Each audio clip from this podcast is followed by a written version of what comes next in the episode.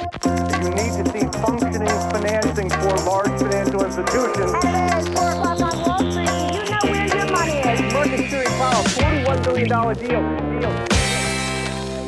Infertilitet eller ofrivillig barnlöshet drabbar uppemot 10% av alla par i fertil ålder globalt. Det här är någonting som medicinteknikbolaget Vitrolife adresserar med sin vision to fulfill the dream of having a baby och alla vi som kanske vill ha barn eller vi som har barn vet att mm, det vill man också ha om man bestämmer sig för att faktiskt få barn. Om man inte riktigt har de möjligheterna så finns det ju såklart hjälp att få. Det finns också möjligheter att investera i den här typen av bolag som hjälper till med de här frågorna. Jag tycker att det är oerhört intressant. Det här vill vi såklart veta mer om. Därför har jag med mig Vitrolife för den här podden. Det är ett bolag listat på large cap. Har ett börsvärde på en 30 miljarder ungefär. 5908 avansianer i ägarleden för att vara exakt. Och med mig i studion har jag VD Thomas Axelsson. Varmt välkommen till podden. Tack så jättemycket. Tack. Jättekul att ha dig här. Vi börjar från början. Vem är Thomas? Jag är snart 62 år. Som ni kanske hör på dialekten så är jag från Bergslagen. Och eh, har hela historien i mitt arbetsliv i alla fall inom life science. Gick tekniskt en gång i tiden, industriell ekonomi i Lin Linköping då. då.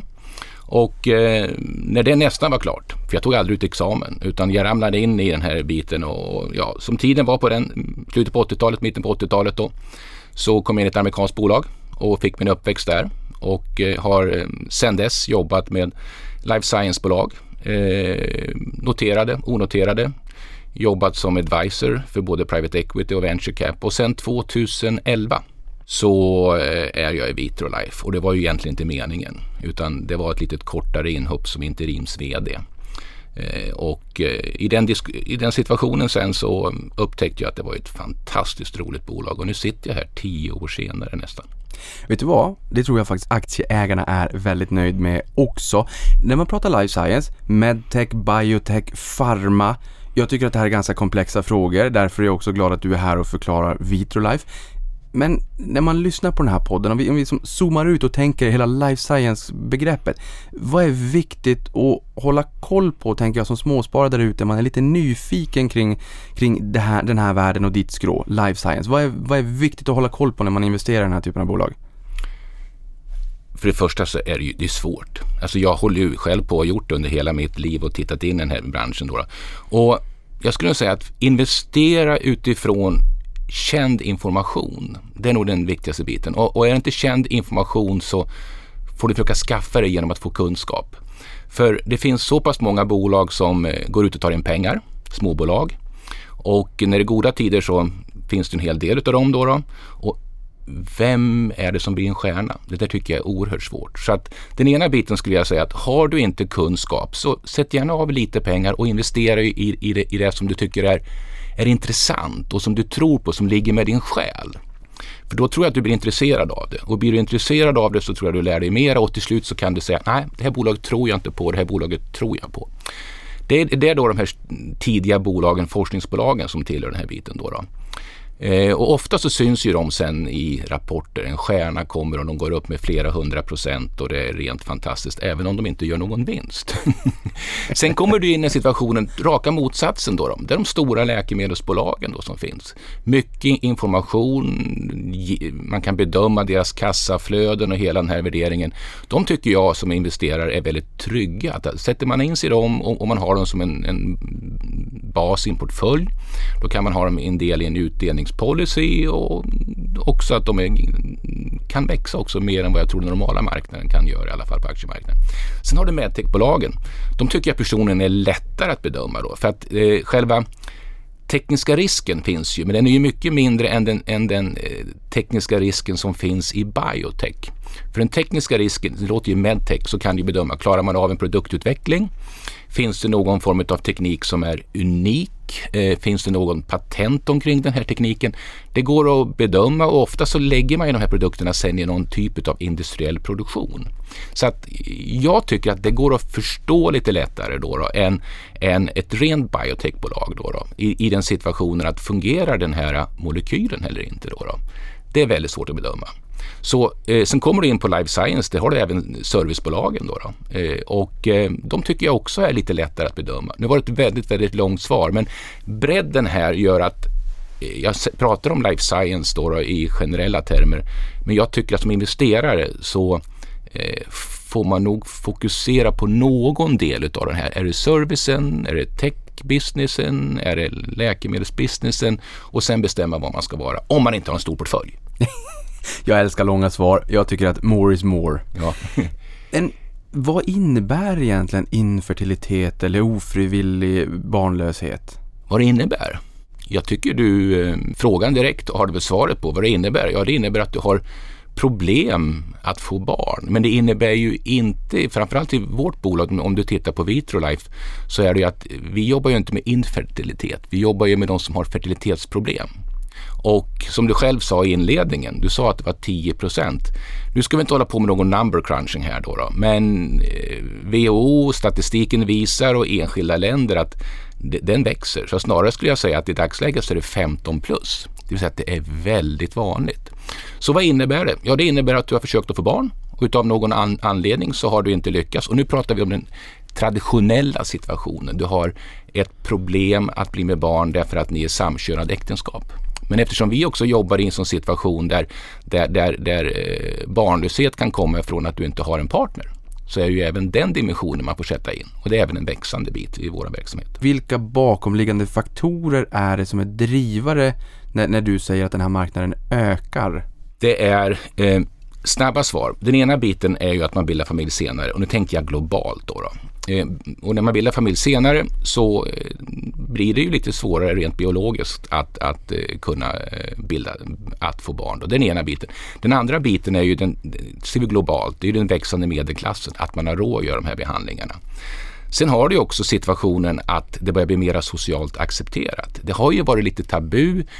I Skandinavien så är det inget konstigt att säga att man kanske genomgår en IVF-behandling eller att man har eh, fått en dotter eller son genom en IVF-behandling. Men i många delar av världen så är det fortfarande lite, lite känsligt och eftersom att det här släpper så blir det mera som törs göra det, kan göra den biten då. då.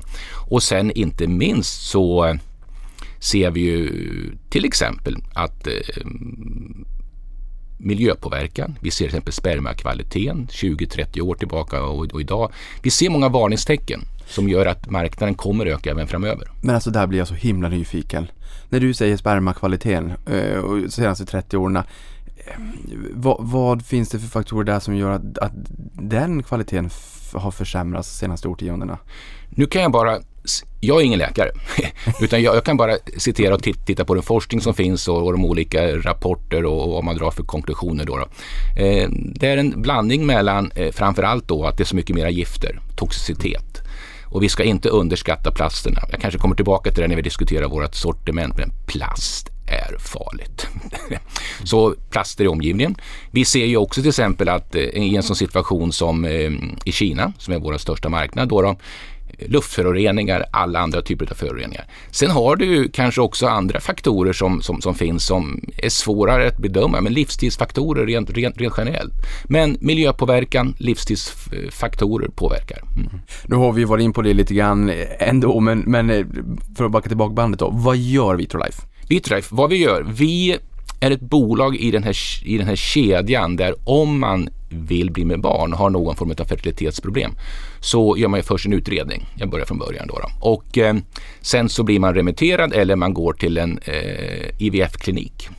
Och det är först där vi kommer in. Vad vi gör det är att vi eh, försöker stödja IVF-kliniken då, då eh, med en behandling som de gör. Då. Och från den situationen att kvinnan har fått en, en hormonbehandling, kommer in och eh, då plockar man ut äggen. Då, då. Från den situationen så är man inne i någonting på IVF-kliniken som heter IVF-labbet. Då, då. Och vi jobbar då med produkter där eh, de personer som finns i IVF-labbet kan eh, bedöma, hantera och se till att man får en bra utveckling och eh, till slut också då, då göra en överföring utav embryot eller frysa ner den. Så att vi specialiserar oss på den process när man har väl bestämt sig på att jag vill bli gravid och går till en klinik. Men som du sa här i början också, det, det är ju en del begrepp såklart i den här världen.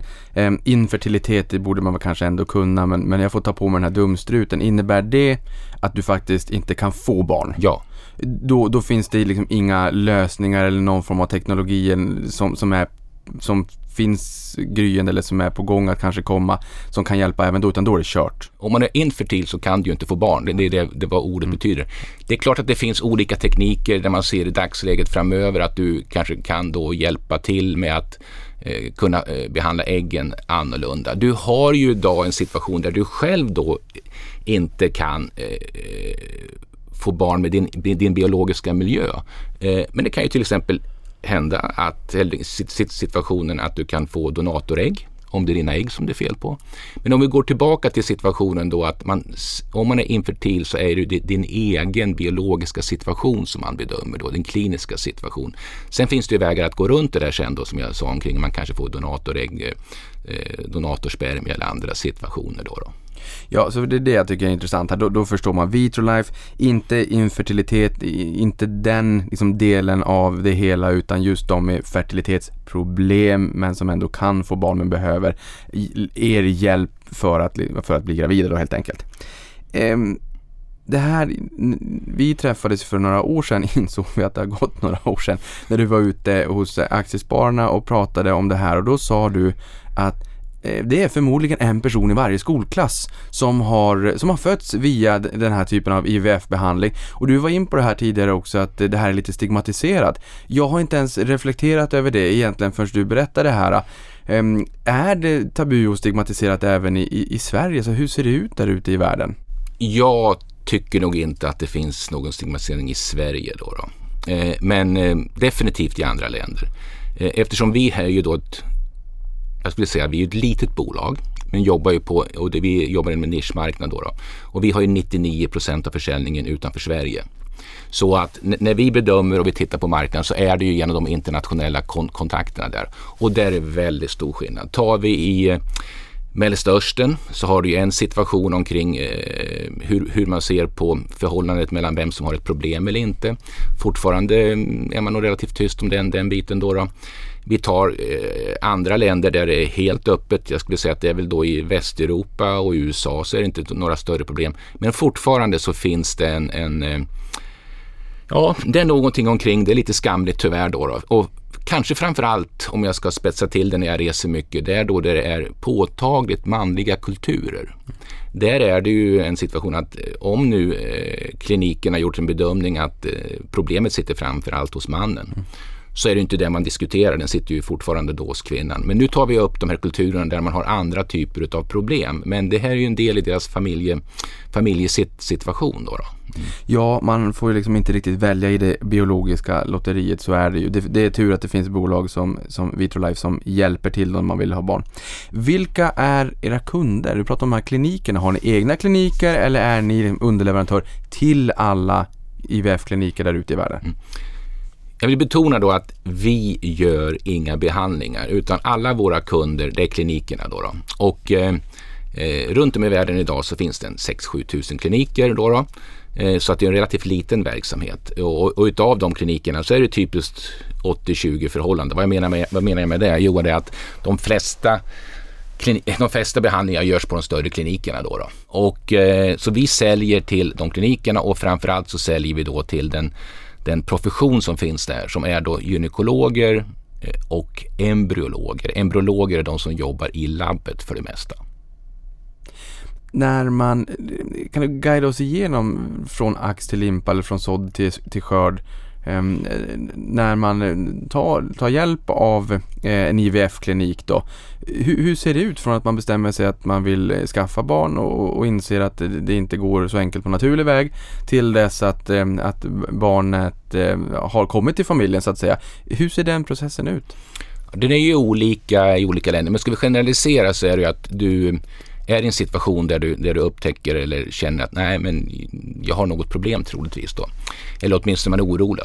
Och så går man då och gör en undersökning då, då och oftast är det hos kvinnans del gyn gynekologen då eller också så går man och så blir man remitterad. Men låt oss då titta på situationen där man har kommit så pass långt så att man inser eller får rekommendationen att du bör nog gå till en IVF-klinik eller få hjälp då. då.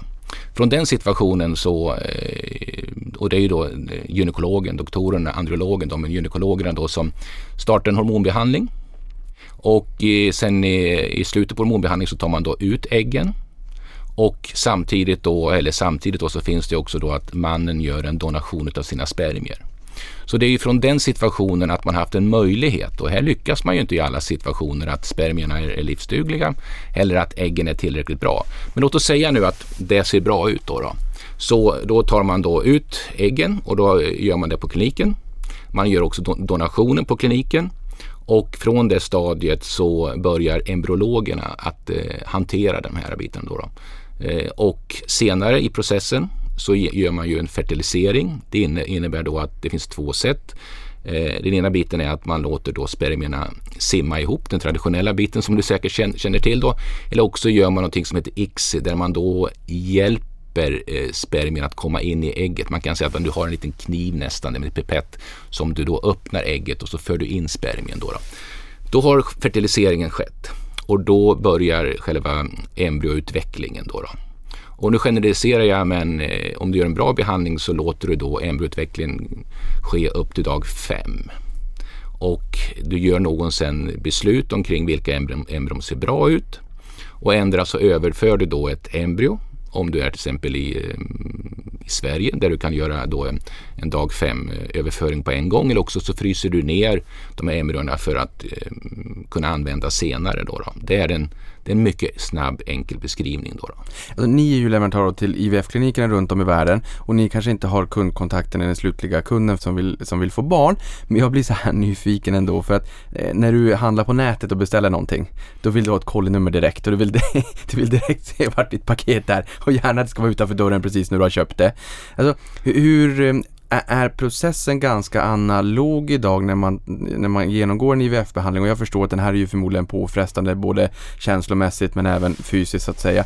Men finns det någon form av att man i en app eller digitalt att man kan följa och nu är det dag fem och nu händer det här och nu är det dag sex, nu sker det här och att finns det en, en digital kundresa också för paret som ska skaffa barn att man följer det här eller är det mer att man kommer till kliniken nästa dag och sen så får man berättat vad som ska göra nu? Eller kan man följa det här själv? Förstår du hur jag tänker? Ja, jag, jag tror jag förstår hur du tänker. Här är det väldigt olika omkring den kommunikation som sker i de olika länderna och också din egen kunskap. Med utvecklingen av internet, om vi tar den biten då, och att det här är ganska dyrt. Så nu, nu tänker jag globalt då, då, så är det ju att de som kommer in är ofta väl förberedda. Mm. De har eh, sökt på nätet, de har tagit information, de har eh, kanske gått och fått konsultation mellan olika kliniker. Då, då. Så att man har ett bra hum om den här biten. Då, då. Eh, och då finns det ju då den gamla traditionella biten då som fortfarande sker tyvärr i många länder då, då, Att du kommer in och du får en kortare förklaring då, då och sen så går du dit och så lämnar du dina ägg och spermier. Allting gått bra så här. Nu, nu, nu gör jag det som låter mycket enkelt men det är faktiskt väldigt komplicerat i mitten också. Och sen så får du veta dag tre eller dag fem om det finns några bra embryon då. då. Och eh, det, det är en dåliga modellen som fortfarande är i många, många länder. Men så finns det situationer då i, i, i, idag där man har bra utbildningspaket. Eh, du tittar inte på din egen utveckling då, då, men du har ju möjligheten att ta del av allt det här genom instruktionsfilmer och förklaringsfilmer och bra kliniker runt om i världen har eh, counselors, alltså sådana som hjälper till, då, kuratorer kanske man kan uttrycka det, då, vetenskapliga kuratorer som förklarar vad det är som händer och, och situationen. Då, då. Eh, och idag också med den teknik som finns, så till exempel vad vi själv har då, då så har vi något som kallas timelapse. Det kan du ju se eh, embryoutvecklingen, det vill säga hur ser, hur ser ett embryo ut då från från i princip fertiliseringen fram till den situationen när du ska använda det eller du fryser ner den. Då, då. Eh, och spetsar man till det ännu mera så har du ju då, eh, du gör inte det i Sverige men du gör det utomlands och det är en växande bit då, då så kan du ju få möta en genetisk counselor då, då som kan beskriva eh, om, om man har gjort genetisk te testning omkring hur ser kromosomstrukturen ut i vissa embryon. Så det är allting ifrån ett ganska så mörkt rum där, där, där eh, tyvärr man lever i en ovisshet till en väldigt stor informationsdel om du själv vill. Men rent generellt så, så är, man själv i en psykologiskt underläge mot kliniken tror jag de flesta känner. Även om, även om klinikerna inte vill det. Mm, just det. För hur, hur lång tid tar det här från att man börjar få hjälp på IVF-kliniken till att, man, eh, till, till att det här fostret, embryot, fostret växer i, i, i mammas mage så att säga? Från att man tar ut ägg eller hjälper till med ägg och spermier? Det beror till... på vilken behandling du har. Generellt, låt mig ge tre snabba svar. Den ena biten är att i eh, länder där man har kortare behandling, lite lägre kostnader, för, är, är det tre dagar. Man, gör, man tar ut äggspermien, man ser till att man får fertilisering. Tre dagar senare gör man bedömning och gör en överföring. Då, då. Den andra biten är, vilket är allt mer vanligt, då eh, kör man då till fem dagar och då överför man vad som kallas en färsk överföring, färsk transfer. Då, då. Och eh, då är det fem dagar. Sen så den växande trenden just nu då, då det är att man eh, låter embryoutveckling till dag fem ske. Sen så fryser man ner dem och sen så bestämmer man en tidpunkt när kvinnan kommer tillbaka och man gör överföringen. Så att då tinar man upp dem då. Det kan vara tre månader senare eller eh, någonting. Det kan till och med vara som så att man tar upp det där embryot något år senare. Oh, herregud. Mm, mm. Och idag så har du även någonting som vi tittar på tidsperspektivet som som är då en situation att man går in och inte har ett embryo utan man tar bara ut ägget. Och så fryser man ägget. Ja men det vet jag för ni bedriver ju ägghotell. Nej, det gör inte vi. Nej, ni gör inte det? Nej, nej, nej. Men, men, men vi har, eh, du tänker, du, du, ägghotell var ett fint uttryck. Äggbanking, äggbanker då. då. Eh, nej, det gör vi inte, utan vad vi har det är att vi har produkter. Så de som bedriver eh, ägghotell då, då kan, kan, eh, kan eh, frysa. Ja, just det. Mm. Men alltså man kan alltså spara ett embryo i några år? Det, i, I dagsläget så vet man inte hur länge man Nej. kan spara det. Du kan spara med, med tekniken så finns det egentligen inte någonting som gör att du, du, du, du inte kan spara det åtminstone hela din livslängd. Åh oh, herregud, fascinerande. Mm. Ni har ju tre divisioner och flera affärsområden. Eh, consumables 61% av topline, Technology 30% och Genomics 9%. Och det här är årsredovisningen 2020. Ni har precis släppt Q1. Det kan ju differera lite grann då ganska trevlig Q1 också, vi kommer tillbaka till det sen. Berätta mer om de här divisionerna och eh, ändå lite fler affärsområden. Du sa consumables, det är alltså produkter som man har man använder eh, genom den här eh, proceduren när man kommer in i, i IVF-labbet. Då, då. Det är eh, nålar för att ta ut äggen. Det är eh, olika labware, alltså plastprodukter kan man uttrycka det enkelt då, där man eh, hanterar och odlar eh, eh embryona i. Då.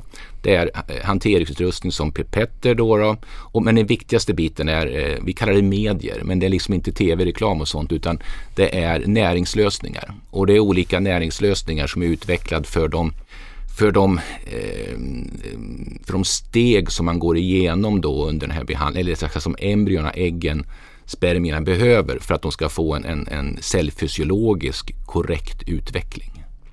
Det är själva consumables då. då.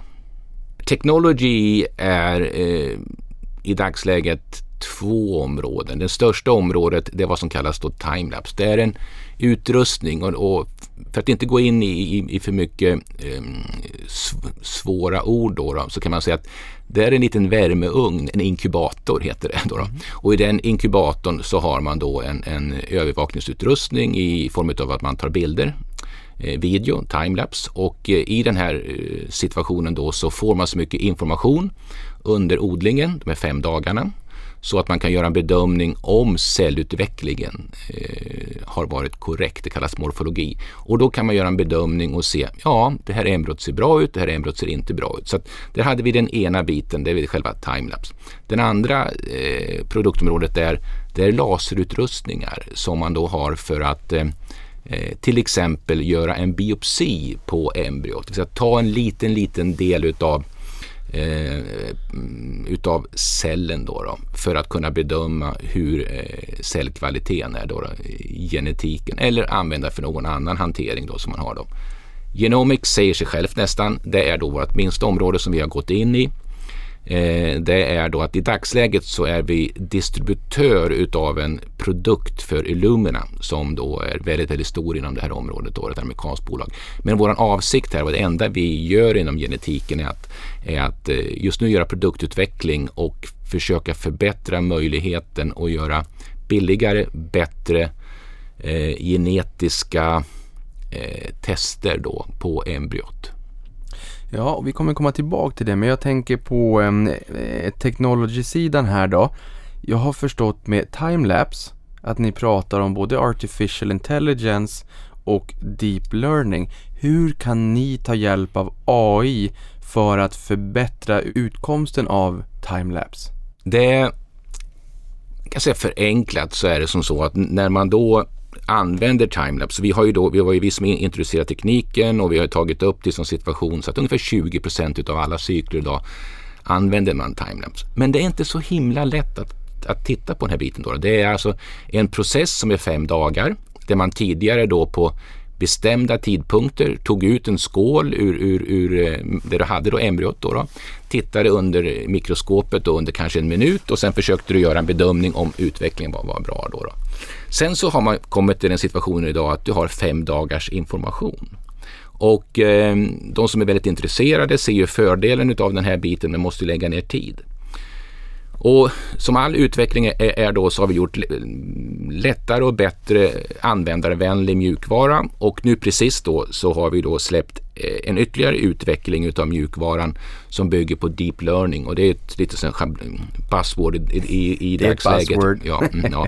Men vad vi säger med den biten är då att eh, här försöker vi och har som eh, ambition att hjälpa embryologen, gynekologen att snabbt kunna se vilken utav mina egna embryon har eh, eh, bäst förutsättningar för att kunna bli en, en, eh, en lyckosam graviditet.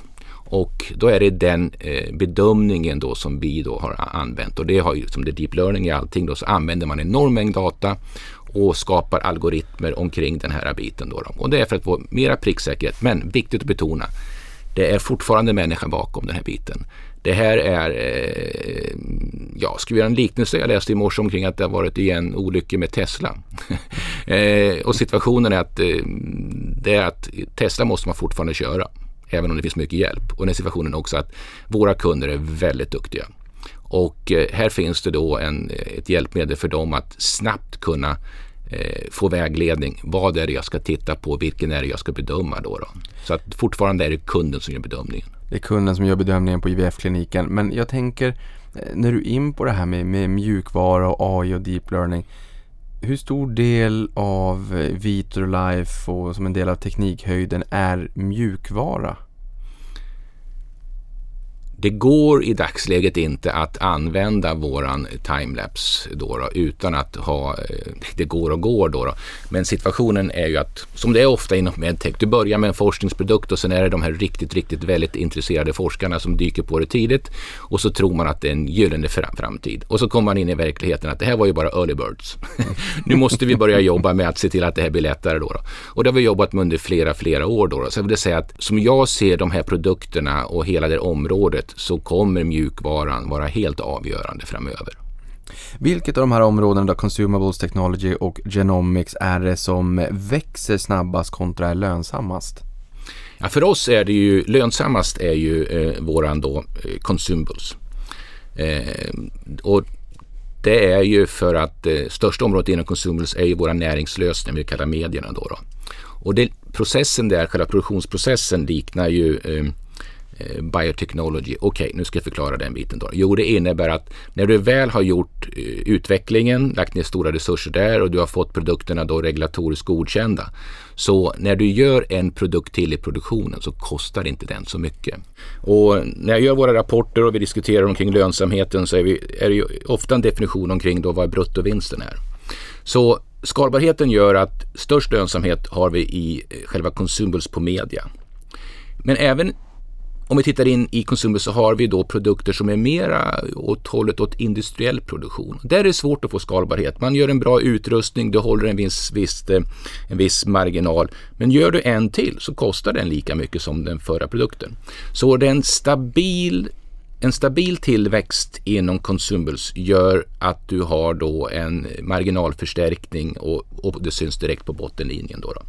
När vi tittar in på technology så är technology intressant ur perspektivet affärsmodellsmässigt sett och ur situationen att där har vi ju då tre komponenter framförallt som, består, som vi säljer. Då, då. Det är ju själva hårdvaran, du behöver utrustningen och i dagsläget så är det den, den största eh, intäktssidan.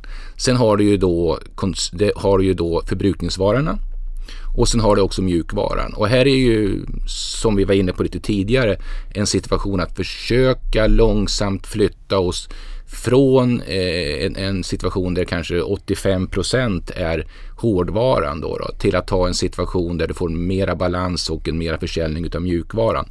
För hur det än är så mjukvaruförsäljningen, om man positionerar sig rätt och mjukvaran är bra, så kommer den ge bättre vinstmarginal och framförallt så kommer den ge fördelar för kunden. Tittar vi på Genomics så eh, är ju det i dagsläget en distributörsbusiness. Då, då. Eh, och det har vi en distributörsmarginal så den har ju sämst eh, vinst i dagsläget. Då, då. Men rent generellt så vill jag ju säga att när vi pratar om de här tre områdena och vi pratar om vinster och vi pratar om lönsamhet så vi kommer bara kunna växa och få lönsamhet om vi ser till att våra kunder blir ännu mer lönsamma genom att de får bättre kliniska resultat. Så hela den här kedjan utav att det finns sådana som har fertilitetsproblem så kan den kedjan bara växa och bli lönsam för alla genom att slutprodukten ändå är ett barn. Kan inte vi hjälpa till där och vara bäst så kommer vi inte växa. Och det är utmaningen för oss. Ja men jag tänker just att eh, ni kan ta hjälp av teknologin. Vi pratar både AI och, och, och eh, deep learning och så. Jag, jag, förstår att det är buzzwords men man har också förstått att AI kan hjälpa till att titta på röntgenplåtar och allt för att det verkligen, verkligen finns med bildigenkänning och de kan se, det blir mindre subjektivitet kanske även om människorna är det viktiga och de kanske tar slutliga checken, kollen på det här ändå. Men det känns så himla spännande ändå att kunna ta hjälp av det här och bygga teknisk höjd. Eh, de här mjukvar, mjukvarudelen som ni har, ehm, är det liksom en, kunderna då, IVF-klinikerna, betalar de upfront eller är det någon form av abonnemangsupplägg som ni har för mjukvarudelen eller hur, hur ser intäktsströmmarna ut? Intäktsströmmarna i dagsläget är ju att största intäktsströmmen är ju själva hårdvaran. Mm. Eh, tittar vi över en normal livslängd på en, på en produkt, då, säg att den är fem år, så efter fem års tid så har ungefär halva kostnaden för kliniken har legat på hårdvaran och eh, i, i dagsläget ungefärligen en, en eh, 25 procent på förbrukningsvaran och sen så kanske 5-6 procent på mjukvaran och resten är, är själva maintenance, själva servicekostnaden. Framöver så är det ju då att tippa det mera åt eh, mjukvaran. Anledningen till det är att när eh, klinikerna växer som de gör i dagsläget så ser de ju fördelen utav att kunna ha de här produkterna hos sig. Och då kan det ju finnas lite grann utav en, en, en utmaning att vill jag ta det här på balansräkningen, det vill säga vill jag ta den stora kostnaden direkt?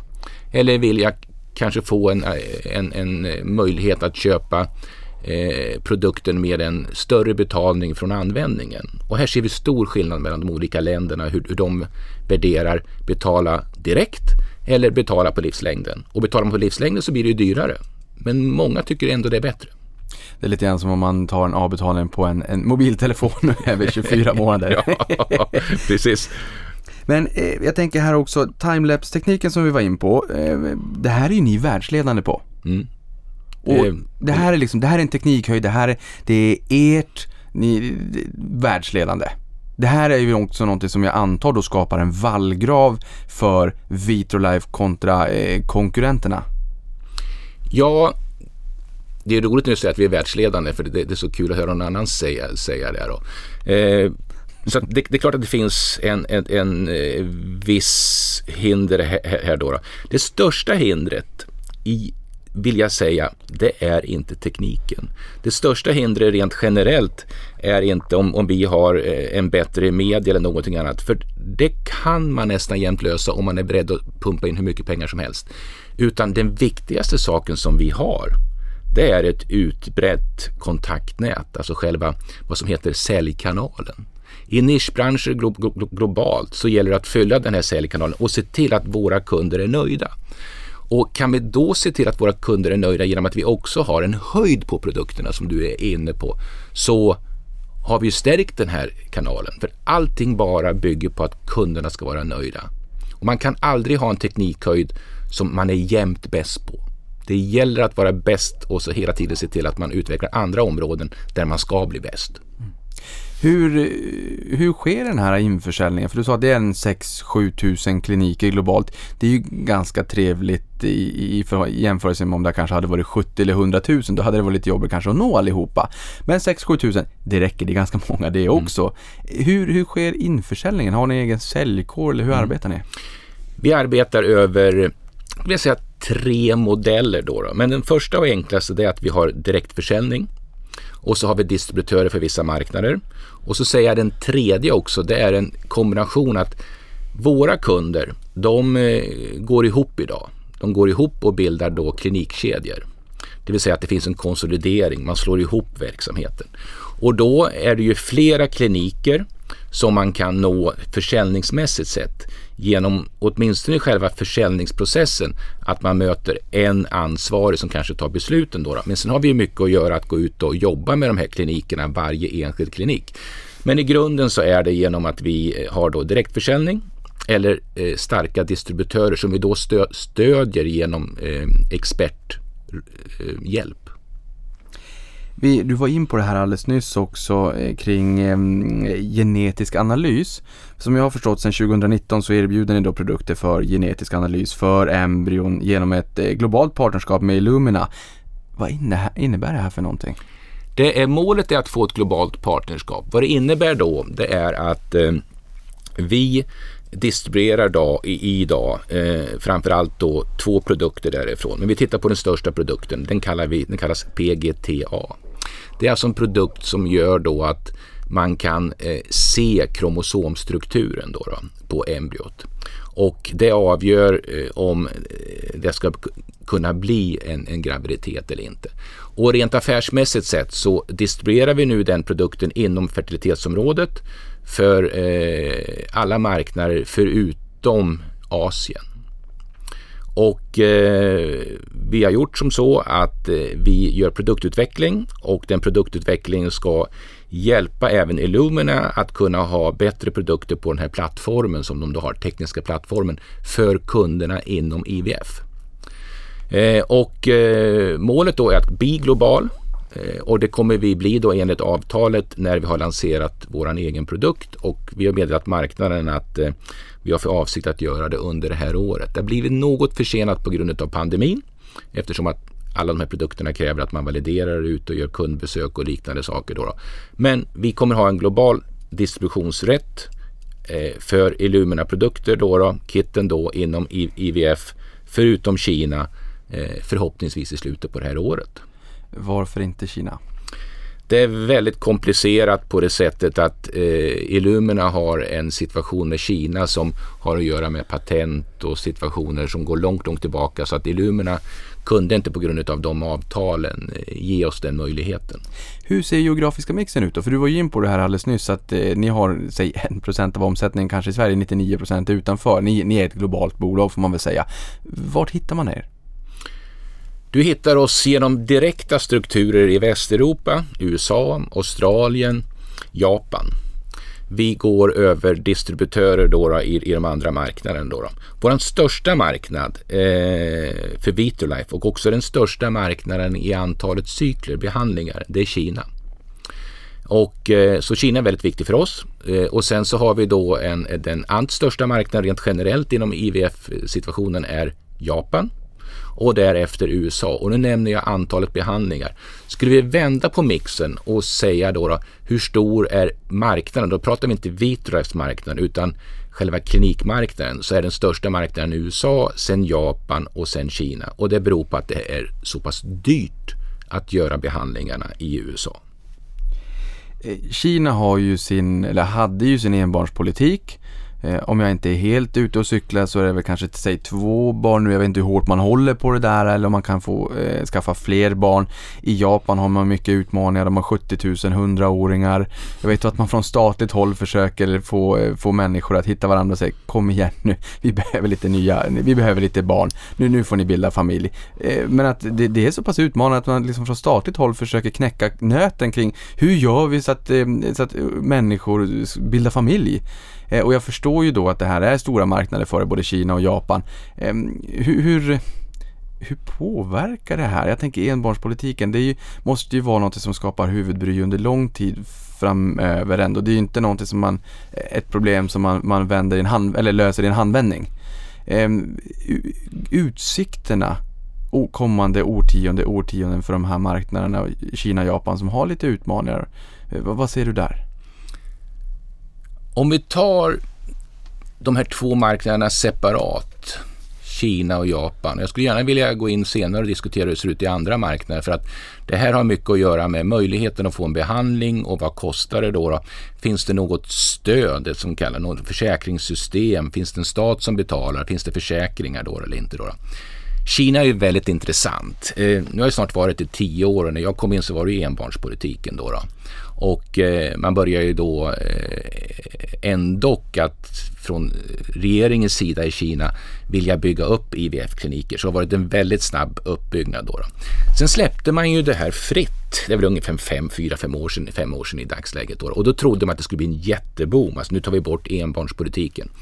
Men till eh, regeringens besvikelse, då kan vi ju se på de olika Eh, för man måste följa politiken när det gäller Kina. Och så kan man ju se vad kommunistpartiet har sagt vid de senaste eh, mötena. Det är att vi, man har ett problem. Det är inte tillräckligt många barn. Och då är man till den situationen där du beskrev att man ser ju att man kommer få en åldrande befolkning. Hur ska man hantera det här med pensionen och allt det här? Men för att sammanfatta det för vår del så innebär det att man har kommit till Kina i en sån situation så att det är lite dyrt att ha många barn. Det är ju den situationen vi ser i Italien till exempel. Det är den situationen vi ser nu i Japan. att man bor trångt, det är dyrt med lägenheter och det är dyrt att få ytterligare barn. Då. Så har man fått ett barn så kanske man är nöjd. Så vad som gäller nu i Kina det är att kunna stimulera barnafödandet. Vet du vad, för nu säger du någonting. Men förr i tiden, eh, jag menar jag är ju Socknäs uppe från Norrbotten. För, förr i tiden så hade man mycket barn eh, och det kanske också var så att en jobbade på, på bruket eller i skogen eller sånt där och en var hemma. Därför att eh, jag tycker att det är ett heltidsjobb att ha ett barn och nu har jag ju två. men, men å ena sidan då, man har inte lika mycket barn. Mm. barnafödandet minskar kanske i de länderna där, där det blir som växande medelklass, man får det bättre ställt och sådär. Barnafödandet per kvinna kanske sjunker. Samtidigt så kanske man också väntar längre med att skaffa barn om man gör karriär och sådär. Och då blir det ju också svårare och svårare ju fler år som går innan man börjar skaffa barn. De där två faktorerna väger ju, väger mot varandra lite grann. Hur ser den balansgången ut? Mindre, man är inte 10-12 barn i familjen kanske. Samtidigt som man väntar lite längre och kanske blir lite svårare att skaffa barn. Man kanske behöver lite hjälp. Du är inne på ett otroligt intressant analytiskt resonemang. Och jag vill skjuta på två saker där, för det, det, det är ju viktigt för oss när vi gör vår strategisk planering, hur vi ska växa och hur vi ska tänka. Om du redan har en situation som beskrev att du får flera barn, då har du inte fertilitetsproblem. Då behöver man inte vitröft, då behöver du inte IVF-klinikerna.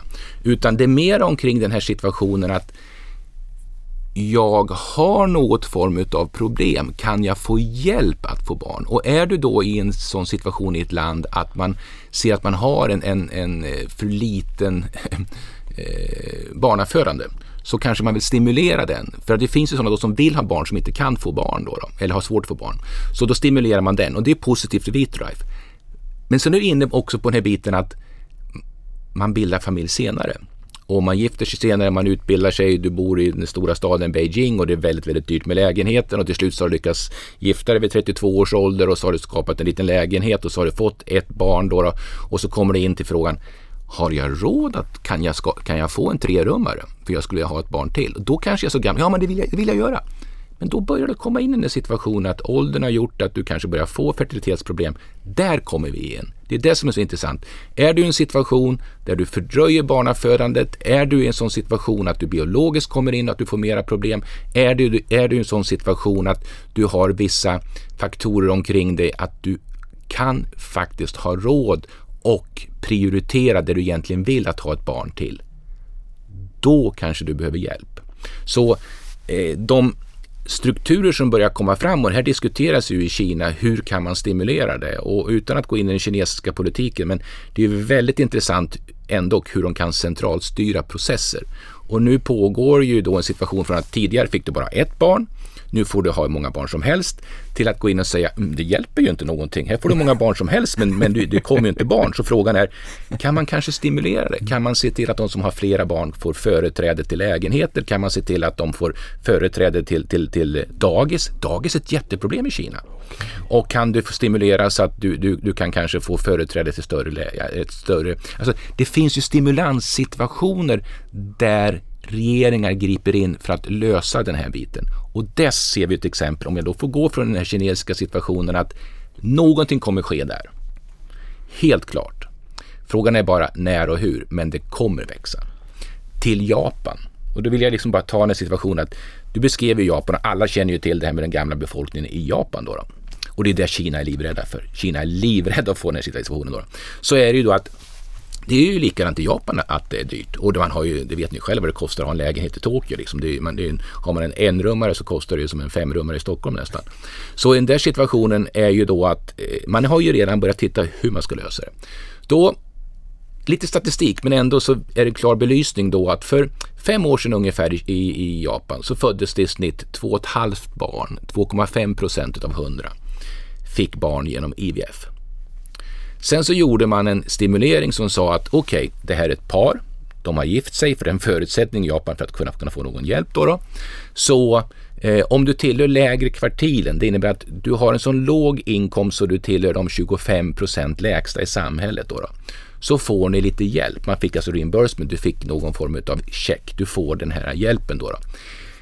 Då var ju många utav, utav de som ville ha barn men tyckte att de hade inte råd att få det. Men då gick de och fick IVF-behandling och under den här perioden sedan de införde den här lilla hjälpen, stödet från staten, så har man kommit upp i en dag i situation i Japan att man har fördubblat det. Idag är det ungefär fem barn utav 105 procent som föds genom IVF. Och då ser man ju hur den här finansiella situationen hjälper till. Och nu är vi i en jätteintressant situation i Japan där Premiärministern förra året, 2020, eh, gick ut och, och, som politiker ibland gör och för oss är det positivt.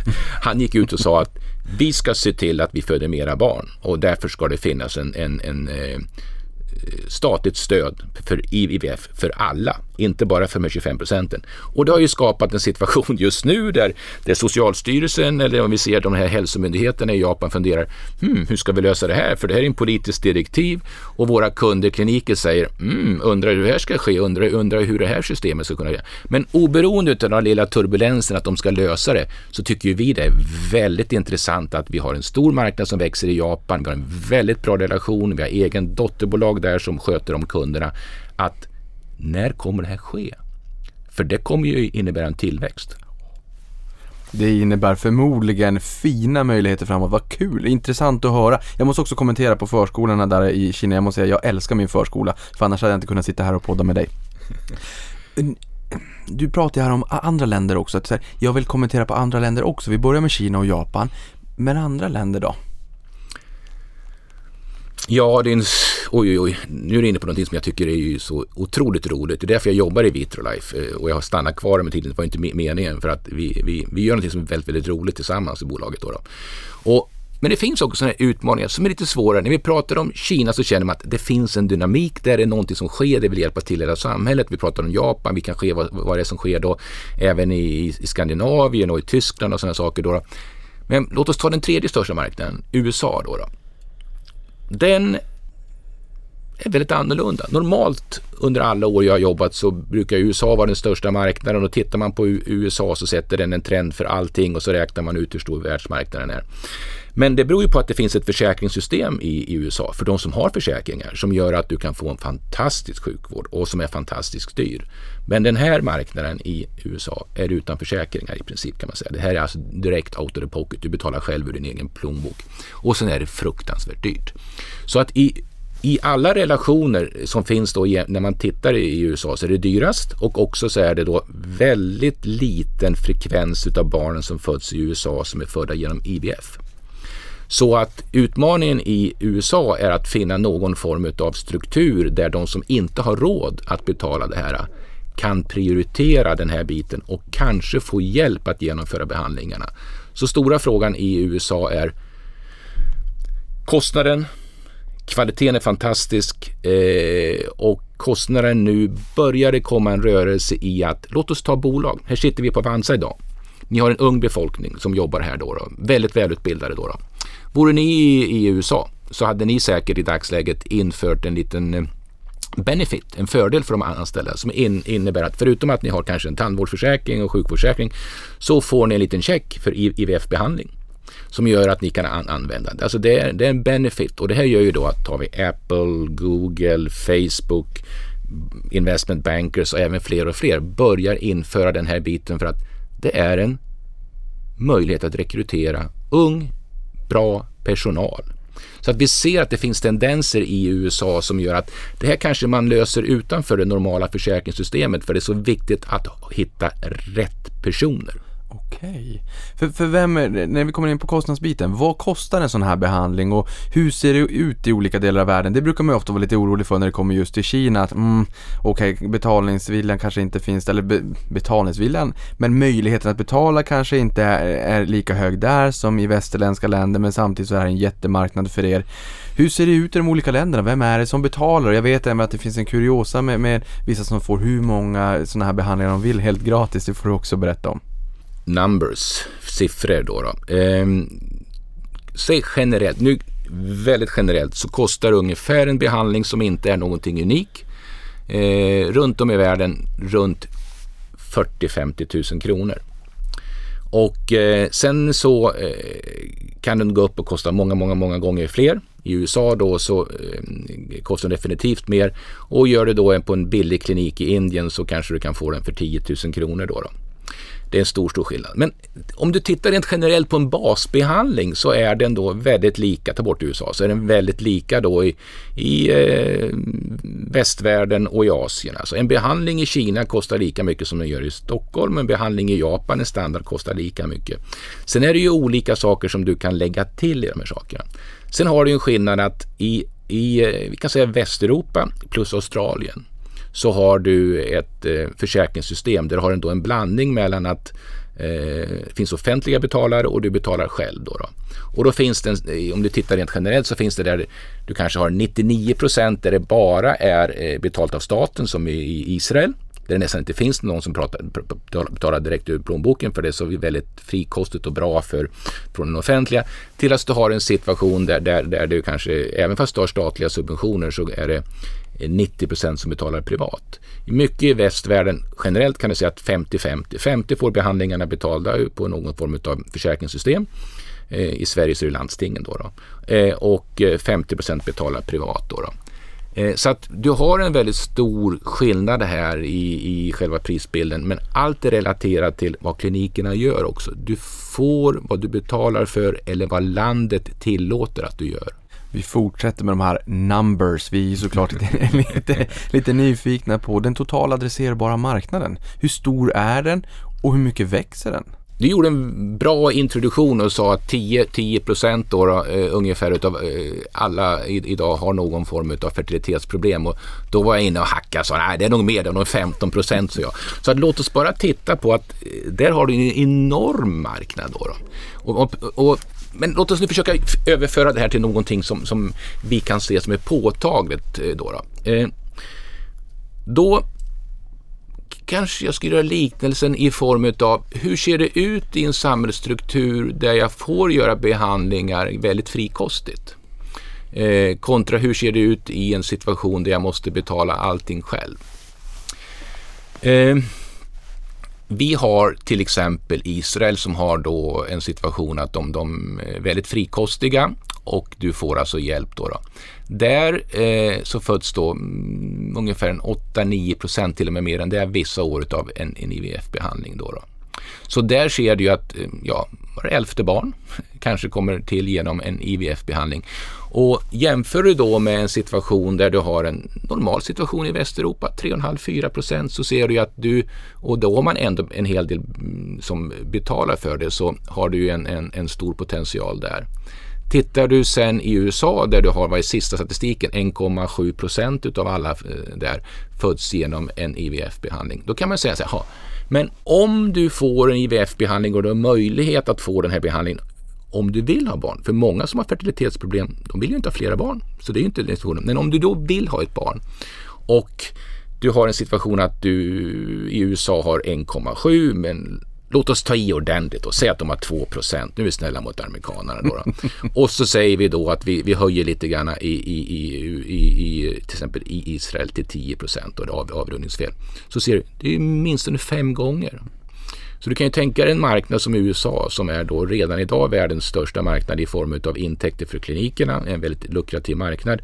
Och du har en att den kan växa fem gånger bara genom att det blir någon form av reimbursement-system.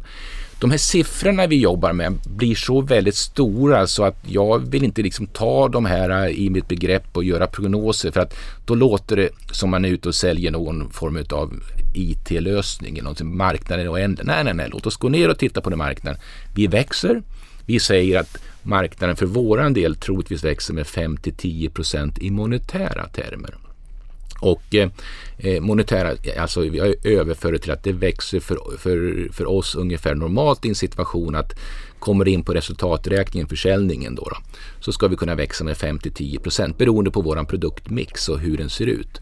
Det är kanske färre behandlingar än den biten och det är ju som så att hela tiden så när vi inför mer och mera hjälp till klinikerna och klinikerna då utnyttjar den här tekniken eller liknande saker för att öka antalet barn som föds så, så kan ju vi då ta större del av den kakan. Och det är ju det som är liksom vad vi jobbar utifrån, det är att se till att klinikerna kan göra deras kunder nöjda, mera barn och kan vi vara med i den processen och öka möjligheten så att de kan så tidigt som möjligt välja rätt embryo att överföra.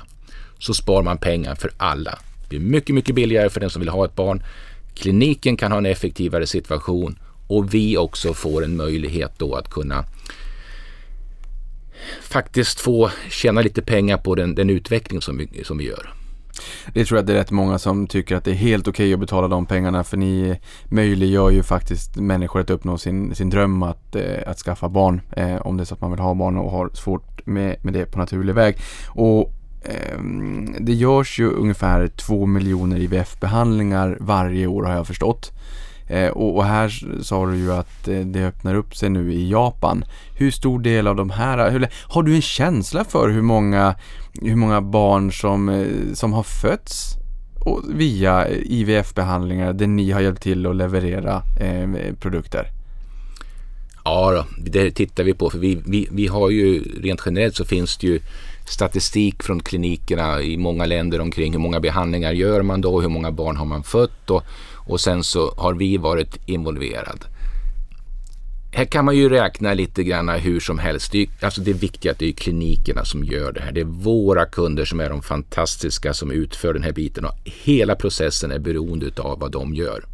Är de duktiga, vilket de är framförallt i Sverige, så, så ger de ett väldigt bra resultat. Men Låt oss vara lite så här stöddiga som vi ibland är när vi, när vi försöker tänka igenom och när vi har våra eg, egna träffar. Och vårt värde i bolaget är ju att jobba tillsammans, togetherness och den här biten vi har då.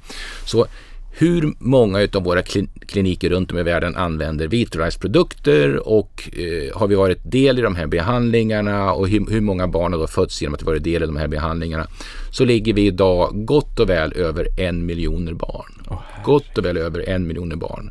Eh, och det växer kontinuerligt under he hela tiden. Då, då. Så att, du vet, vi är ett Göteborgsbolag. Då, då. Så att, så att eh, vi brukar ju liksom ta hela området i en stor, stor cirkel och sen så säger man ja, alla här skulle kunna vara födda av IVF, men, men så är det ju tyvärr inte. E-, eller, eller så väl är. Herregud, nej, imponerande siffra. Men det är, ja precis, ett helt Göteborg utspritt över världen.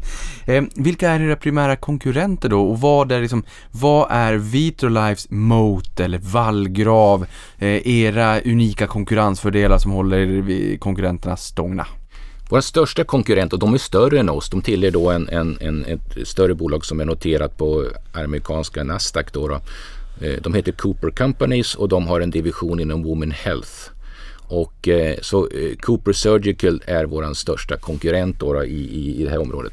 Sen finns det då eh, ett annat privatägt amerikanskt bolag då, då som heter Cook och det finns någon, någon kines också då, då eller japan då, då som heter Kitasato då, då.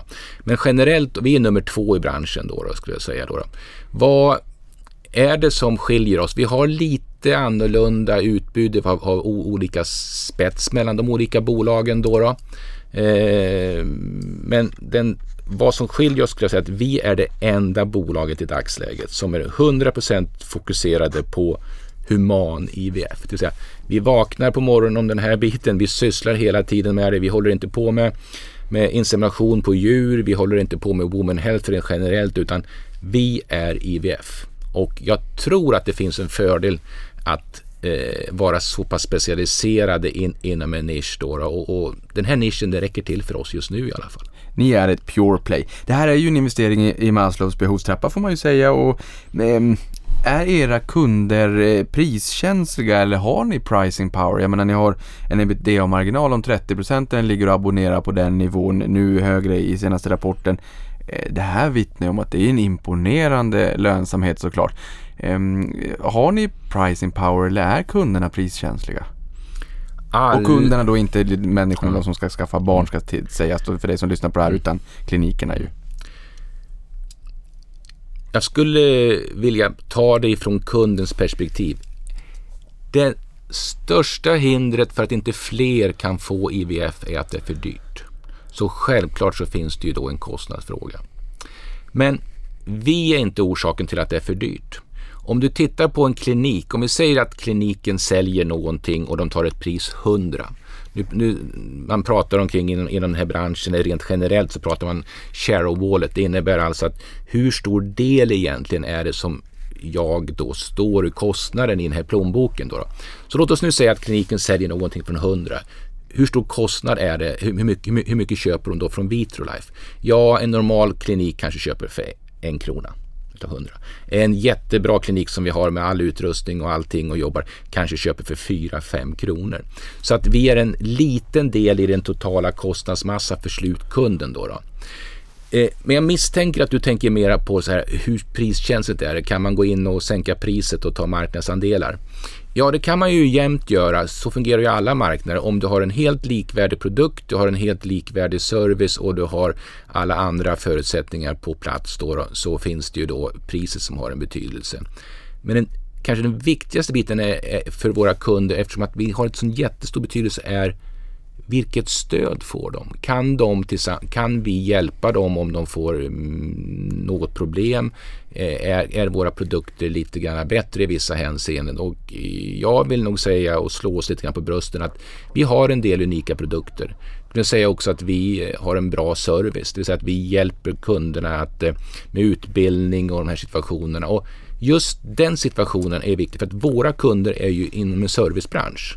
Och då är det viktigt att de hela tiden är väldigt, väldigt bra. Och då kanske vi kan hjälpa till på den biten. Så enkelt svarat, pris har betydelse men det är inte den viktigaste uppgiften för oss. Nej, för där kan man väl säga, det verkar ju som att ni uppenbarligen är HDMI-kabeln vid det här äh, TV-köpet. Om ni har en krona av hundra eller fyra, fem av hundra. Kan ni öka share of wallet hos era eh, kunder i VF-klinikerna runt om i världen, 6-7 tusen till antalet, ehm, utan att, att tappa fokus på eran spjutspets-nisch? Eh, Ja, definitivt, definitivt. Jag skulle säga att vi har ju tre saker som vi tror att vi kan växa igenom och som vi håller på med och hela tiden ut, utvecklar. Då. Och nu nämnde du antalet kunder och det är ju att vi måste komma närmare kunderna. Eh, även om det är få kunder om du jämför med många andra bolag då som har så är det ju ändå en hel del kunder då. då. Så själva eh, att satsa och utveckla våra säljkanaler då, komma närmare kunden är en viktig bit. Du satsar, kommer närmare kunden, får fler kunder och ökar du då försäljningen. En annan bit är ju självklart för oss då att se till att vi tar marknadsandelar och teknikutveckling då. då. Mm. Under pandemiåret i fjol så minskade ju försäljningen 16% till 1,2 eh, miljarder samtidigt som ebitda minskade 22,6%. Eh, det här är ganska ovanligt för att vara er men pandemiåret är också ganska unikt får man säga. Kina är en viktig marknad. Jag såg en dokumentär på SVT där man svetsade igen dörrar på motsvarande bostadsrättsföreningar. Om det är så eller inte, det låter jag vara osagt. Eh, men man inser ju att första prio var ju kanske inte att gå till IVF-kliniken när pandemin bröt ut utan ja, vi har alla genomlevt det här. Vi har väl förmodligen en, en förståelse såklart. Eh, som mest så såg ni närmare 70% försäljningstapp i början av andra kvartalet under förra året. Vad tänkte du då? Och nu är det ju uppenbarligen så att vi ändå har sett en, en, en eh, återhämtning man håller ju på med riskanalyser hela tiden i, i ett bolag. Det är oerhört viktigt att man bedömer risker och hanterar för de sakerna. Men vi var inte förberedda på en pandemi. Jag tror inte vi var ensamma med den biten. så att, så att eh, det kom ju som en överraskning omkring hur, hur snabbt det gick den här situationen. Då, då. Men eh, som sagt var, vi är ju ett lönsamt bolag. Jag vill betona den biten då, då, Så att när vi kom in i den här situationen så visste vi att vi hade stridskassa i alla fall. Då, då. Men... För ni har nettokassa? Va? Ni har nettokassa? Oh ja, mm. vi har 1,1 miljarder i kassa i dagsläget ungefär. Så att vad vi då direkt sa att vi vet inte hur länge det kommer ta. Vi vet ingenting. Så att låt oss vidta alla åtgärder som vi, vi kan då. då. Och eh, det gjorde ju att vi eh, lyckades ju klara av Q2 även precis som du säger att det gick ifrån en stadig tillväxt, en situation och så helt plötsligt var två tredjedelar borta i försäljning och sen har det ju kommit tillbaka då. då. Så eh, lyckas vi ju ställa om processerna ganska så väl. Men vi tog också ett beslut och det här tror jag är också viktigt. Vi tog ett beslut att inte föra över någon risk på kunderna. Så att vi sa okej, okay, det är jättesvårt för våra kunder. De kommer ha jättesvårt att planera sin verksamhet. Några kanske får finansiella problem. Så vad vi gjorde, vi gav längre betalningstider till vissa kunder för att vi visste att de skulle komma tillbaka. Vi gjorde en sån situation att vi producerade mer än vad vi förhoppningsvis eh, eh, inte skulle kunna sälja men vi tog väldigt hög volym för att säga att vi, vi kan inte låta våra kunder vara utan produkter om det kommer igång. Så att vi producerade och vi fick kasta en hel del inkurans då, då men eh, det gjorde vi för att stödja kunderna. Och då kom vi ur Q2 tycker jag på ett väldigt bra sätt och i början på Q3 så kände kunderna det här att vi kan faktiskt ringa till Vitrolife och få hjälp och det var en del nya kunder. Så att konsekvensen av den här liksom nedgången och uppgången är att jag vill nog säga att vi har nog stärkt våra marknadsandelar. Ur, ur varje sån här kris så kommer det någonting positivt och den positiva är i vår del kundkontakterna och också att vi har eh, faktiskt fått lite effektivare organisation. Och, och, och eh, gå tillbaka till den, den, den biten så eh, vi pratade om siffror tidigare och då vill jag ju föra in att vi har faktiskt mycket bättre lönsamhet än vad du sa. Vi har aldrig varit nere på de där siffrorna som du nämnde de sista 5-6 åren. Utan våran ebitda är, är, klart högre. Ja, never let a good crisis go ja. to waste. Yeah. Jag menar, och det kommenterade du faktiskt i, i Q1 också. Jag tror att eh, ebitda-marginalen var uppe på en 43 procent. Där pekade du också på eh, att eh, det blir inte lika mycket resor, det är mera digitala möten och sådär.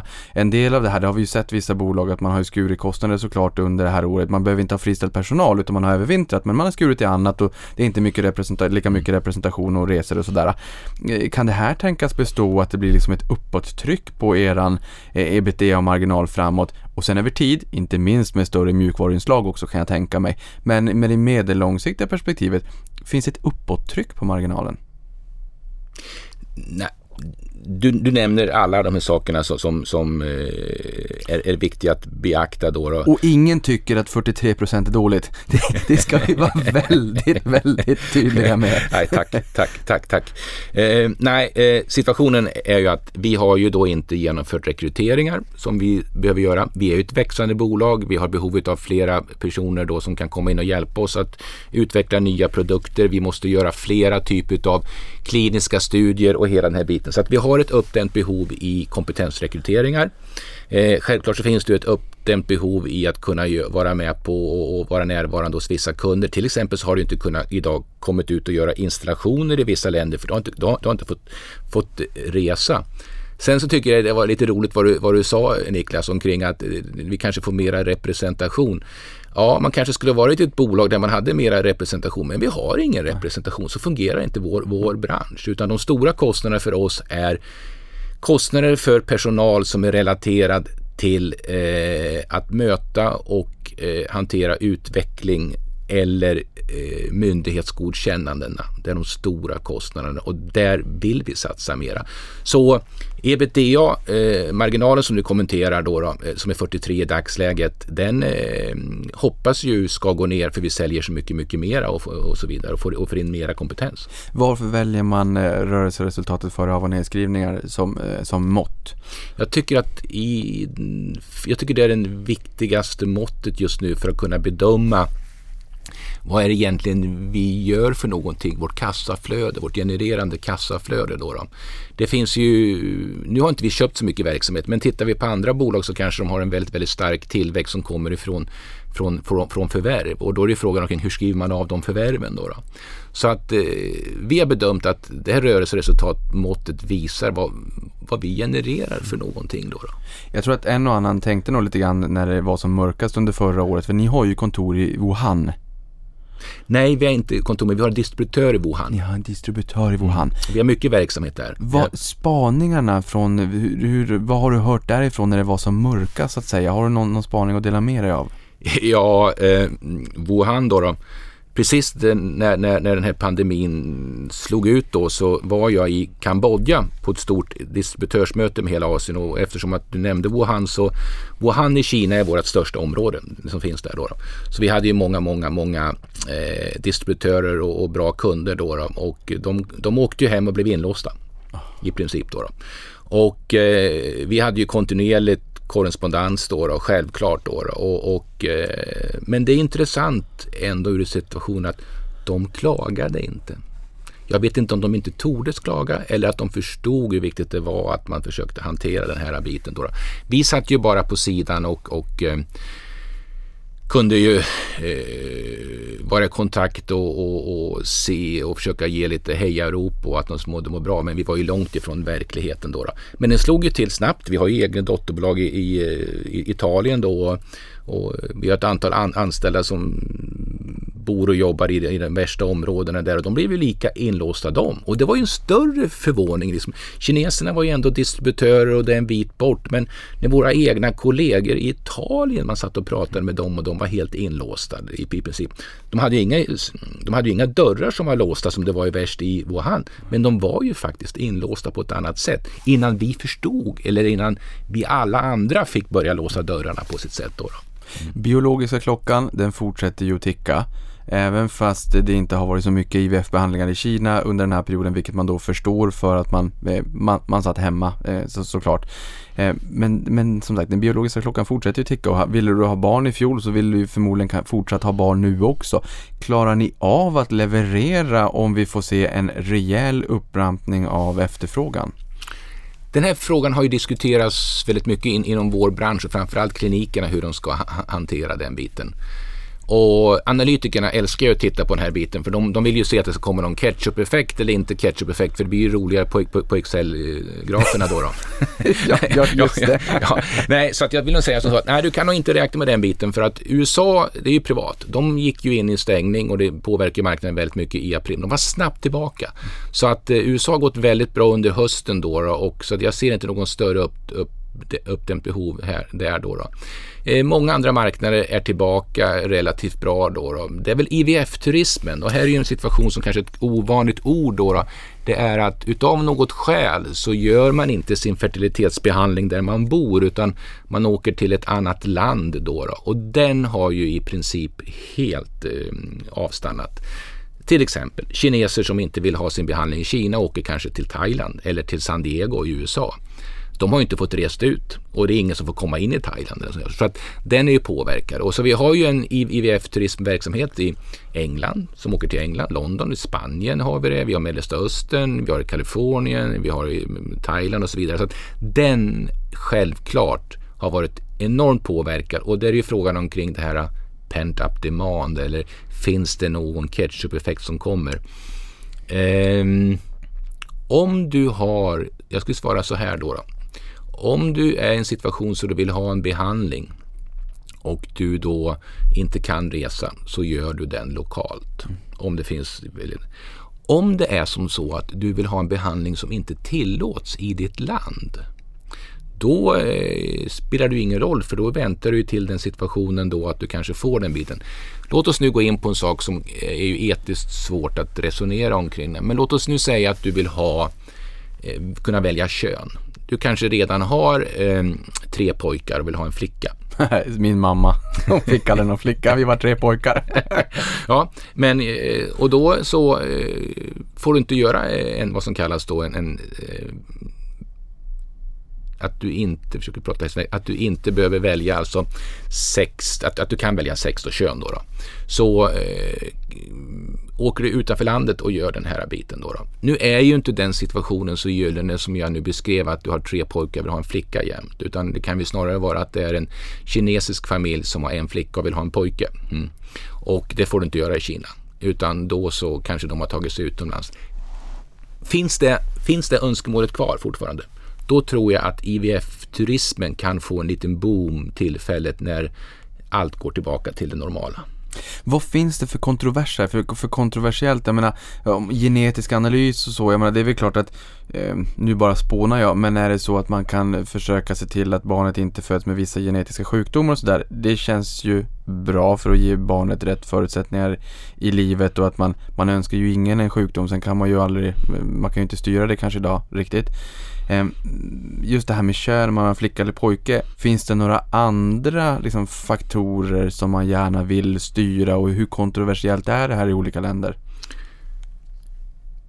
Vi börjar på vad är det för någonting som man idag eh, kan styra eller titta på som är något mera generellt. Och så tittar man på lite grann var får man göra det och var man inte får göra det. Som du själv beskrev, finns det en situation som man har eh, fel på en enskild gen, då kan man eh, gå in då, och det, det får du göra i Sverige då, och det är ju rent generellt då att man kan ju se den fördelen då eh, om man vet om att man har en ärftlig sjukdom då, som är påtaglig. Då, då. Till exempel risken att få cystisk fibros. Och det beror då på en enskild gen. Då, då. då kan man gå in och titta på embryot och, och, och, se om det är något fel på den. Då. Om man inte då har, om det är embryot är helt okej, okay, så sätter man in den och hoppas att, att det blir en bra graviditet. Det, det är ju ganska okontroversiellt i de flesta länderna då, för man undviker ju då en, en, en sjukdom. Då. Det finns ett antal andra enskilda gensjukdomar då, då, som man kan titta på. Sen har du det som är mera kontroversiellt i få länder. I vissa länder så är det inte allt kontroversiellt. Det är då att går du till en, till en, till en eh, IVF-klinik för att du vill göra en, en behandling så har du ju ofta något fertilitetsproblem. Och eh, målet är ju att du ska bli gravid och få ett friskt barn. Och eh, då är situationen att då försöker man ju maximera möjligheten att bli gravid och få ett friskt barn. Då, då. Och just gravid är den viktiga biten. Då, då, Och då kan man titta på kromosomstrukturen. Då. Har du en avvikande kromosomstruktur så har du mycket, mycket mindre möjlighet att bli gravid. Så att då kan man gå in och välja bort de embryona då som har då en avvikande kromosomstruktur för att kunna bli gravid. Den resonemanget och som eh, finns och varför man tillåter det här i, i många länder är utifrån att man vill maximera möjligheten att bli gravid. Du kan ju vända på det hela då. då. Jag tycker det är en väldigt, väldigt svår etisk fråga. Det är att, ja, men då gör du också någon form av värdering omkring, låt oss nu säga att barn som föds med, föds med Downs syndrom. Mm. Där har du en felaktig kromosomstruktur som gör att du får den här biten. Då, då. Och då skulle man kunna säga att ja, men det här är ju hemskt att du väljer ju bort något fint, fint barn som visserligen har Downs syndrom men det är ett härligt, härligt barn mm. så att du ska inte välja bort. Men de som gör de här valen har ju inte att du väljer bort barnet med Downs syndrom utan grunden är ju att du vill öka möjligheten att bli gravid. För just den här kromosomförändringen gör att du har mycket, mycket, mycket mindre möjlighet typ att bli med barn. Det har naturen sett till. Mm. Så att den, de här två sakerna, du kan titta på enskilda gener och se till att undvika sjukdom. Du kan se till att du väljer ett embryo som har maximal möjlighet att bli en, en lyckad graviditet. Det är de två stora områdena då kan man säga. I situationen här att de här med enskilda genvalen om vi nu ska använda lite rena matematik här så kanske det består av ungefär 5% utav totala eh, intäkterna för de som driver genetiska laboratorier globalt. Så För, för jag tänker mig att det borde också kunna finnas en situation där, där det är ett par som vill ha barn men där det finns en genetisk sjukdom i släkten och där man kanske tar ett övervägande och säger att jag vill skaffa barn men jag tänker inte bli gravid. Därför att risken är alldeles för stor att det här barnet får den här sjukdomen och jag önskar inte mitt barn att få den här sjukdomen. Jag orkar inte se det.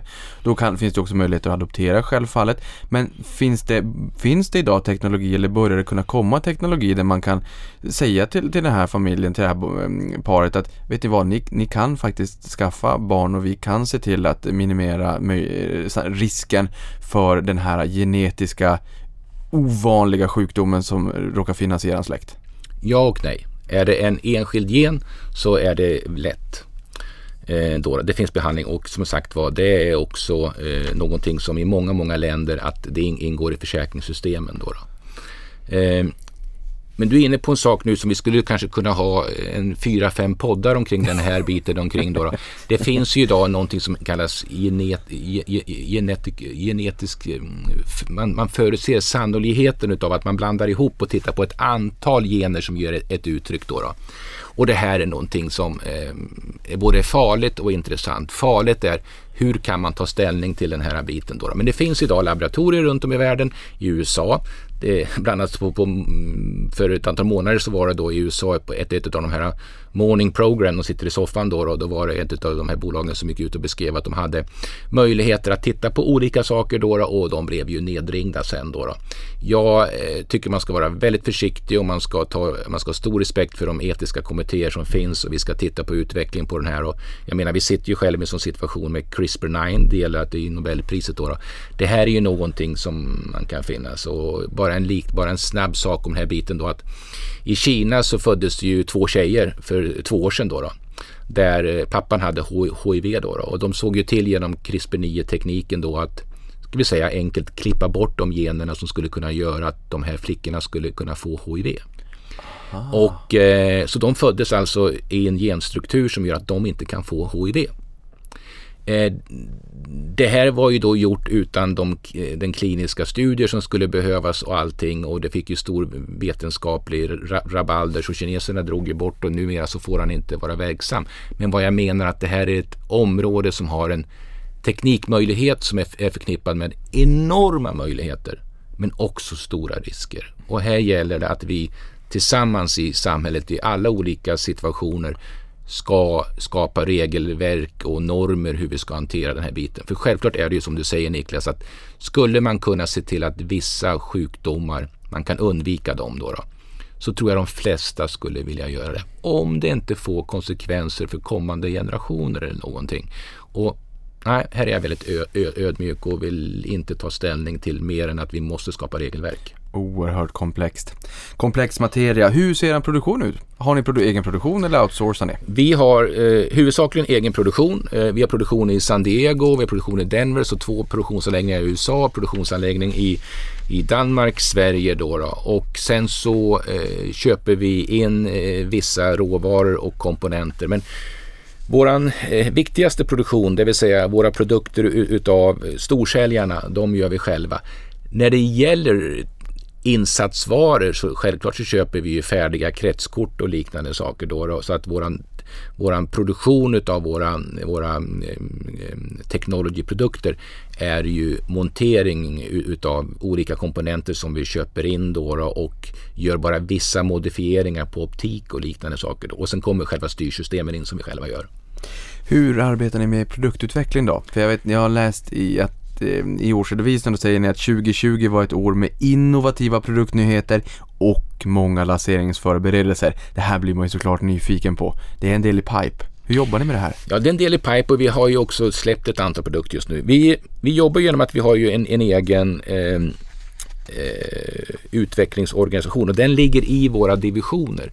Sen har vi en ren R, eh, alltså forskning då. då och eh, det är ju att eh, skojta, se vad som händer då. då. Vår utveckling går ju till som så att när vi väl har, har kommit så pass långt så att vi, vi anser att det här är någonting vi ska ta rikt, risken att göra till en produkt. Pro, så gör vi den eh, i vår egen organisation. Då, då. Vi jobbar tidigt genom att stödja eh, och vara när, närvarande i, hos eh, många kliniker, eh, universitet. Jag kan ju nämna rent hållbarhetsmässigt sett så gör vi också sådana stöd utan att vi får någon vinning på det. Vi har till exempel från och med slutet på förra året så har vi, stödjer vi helt då, då en, en eh, professur på KI i forskning inom det här om, området. Då. Så att det, vi vill gärna vara med, vi vill visa att vi är intresserade av forskning. Är det sådana situationer att vi kan forska tillsammans med kliniker och universitet så stödjer vi den. Och förhoppningsvis så, så, kan vi då få rättigheterna. I, i, i andra fall så tar vi då eh, ut, utveckling själv. Vi köper också in och det här är en del i vad jag tror kan driva bolaget framåt. Det är att köper man färdiga mogna bolag. Så, man, så, när man köper den så är man utsatt för en stor konkurrens. Det är nog auktion ofta när man köper någonting. Då, då. Och så räknar man på framtida kassaflöden. Man gör en DCF, alltså kassaflödesvärdering och så ser man då att vilka strategier har man så köper man. Och du får betala ibland för dina egna strategier. Du betalar ganska mycket. Kan man någonting, man tar en viss risk så är det ju, och framförallt om man vill vara ett teknikorienterat utvecklingsbolag, då är det ju billigare att mera riskfyllt men billigare att ta i det här och utveckla det själv. Eh, tyvärr så finns det ju som så att vissa analytiker, om jag uttrycker mig så, då, som jobbar med sina beräkningar, ser ju då att man ökar ju kostnadsmassan. Då, då. Och, och, och sen så säger man att kostnadsmassan inte ger någonting. Då, då.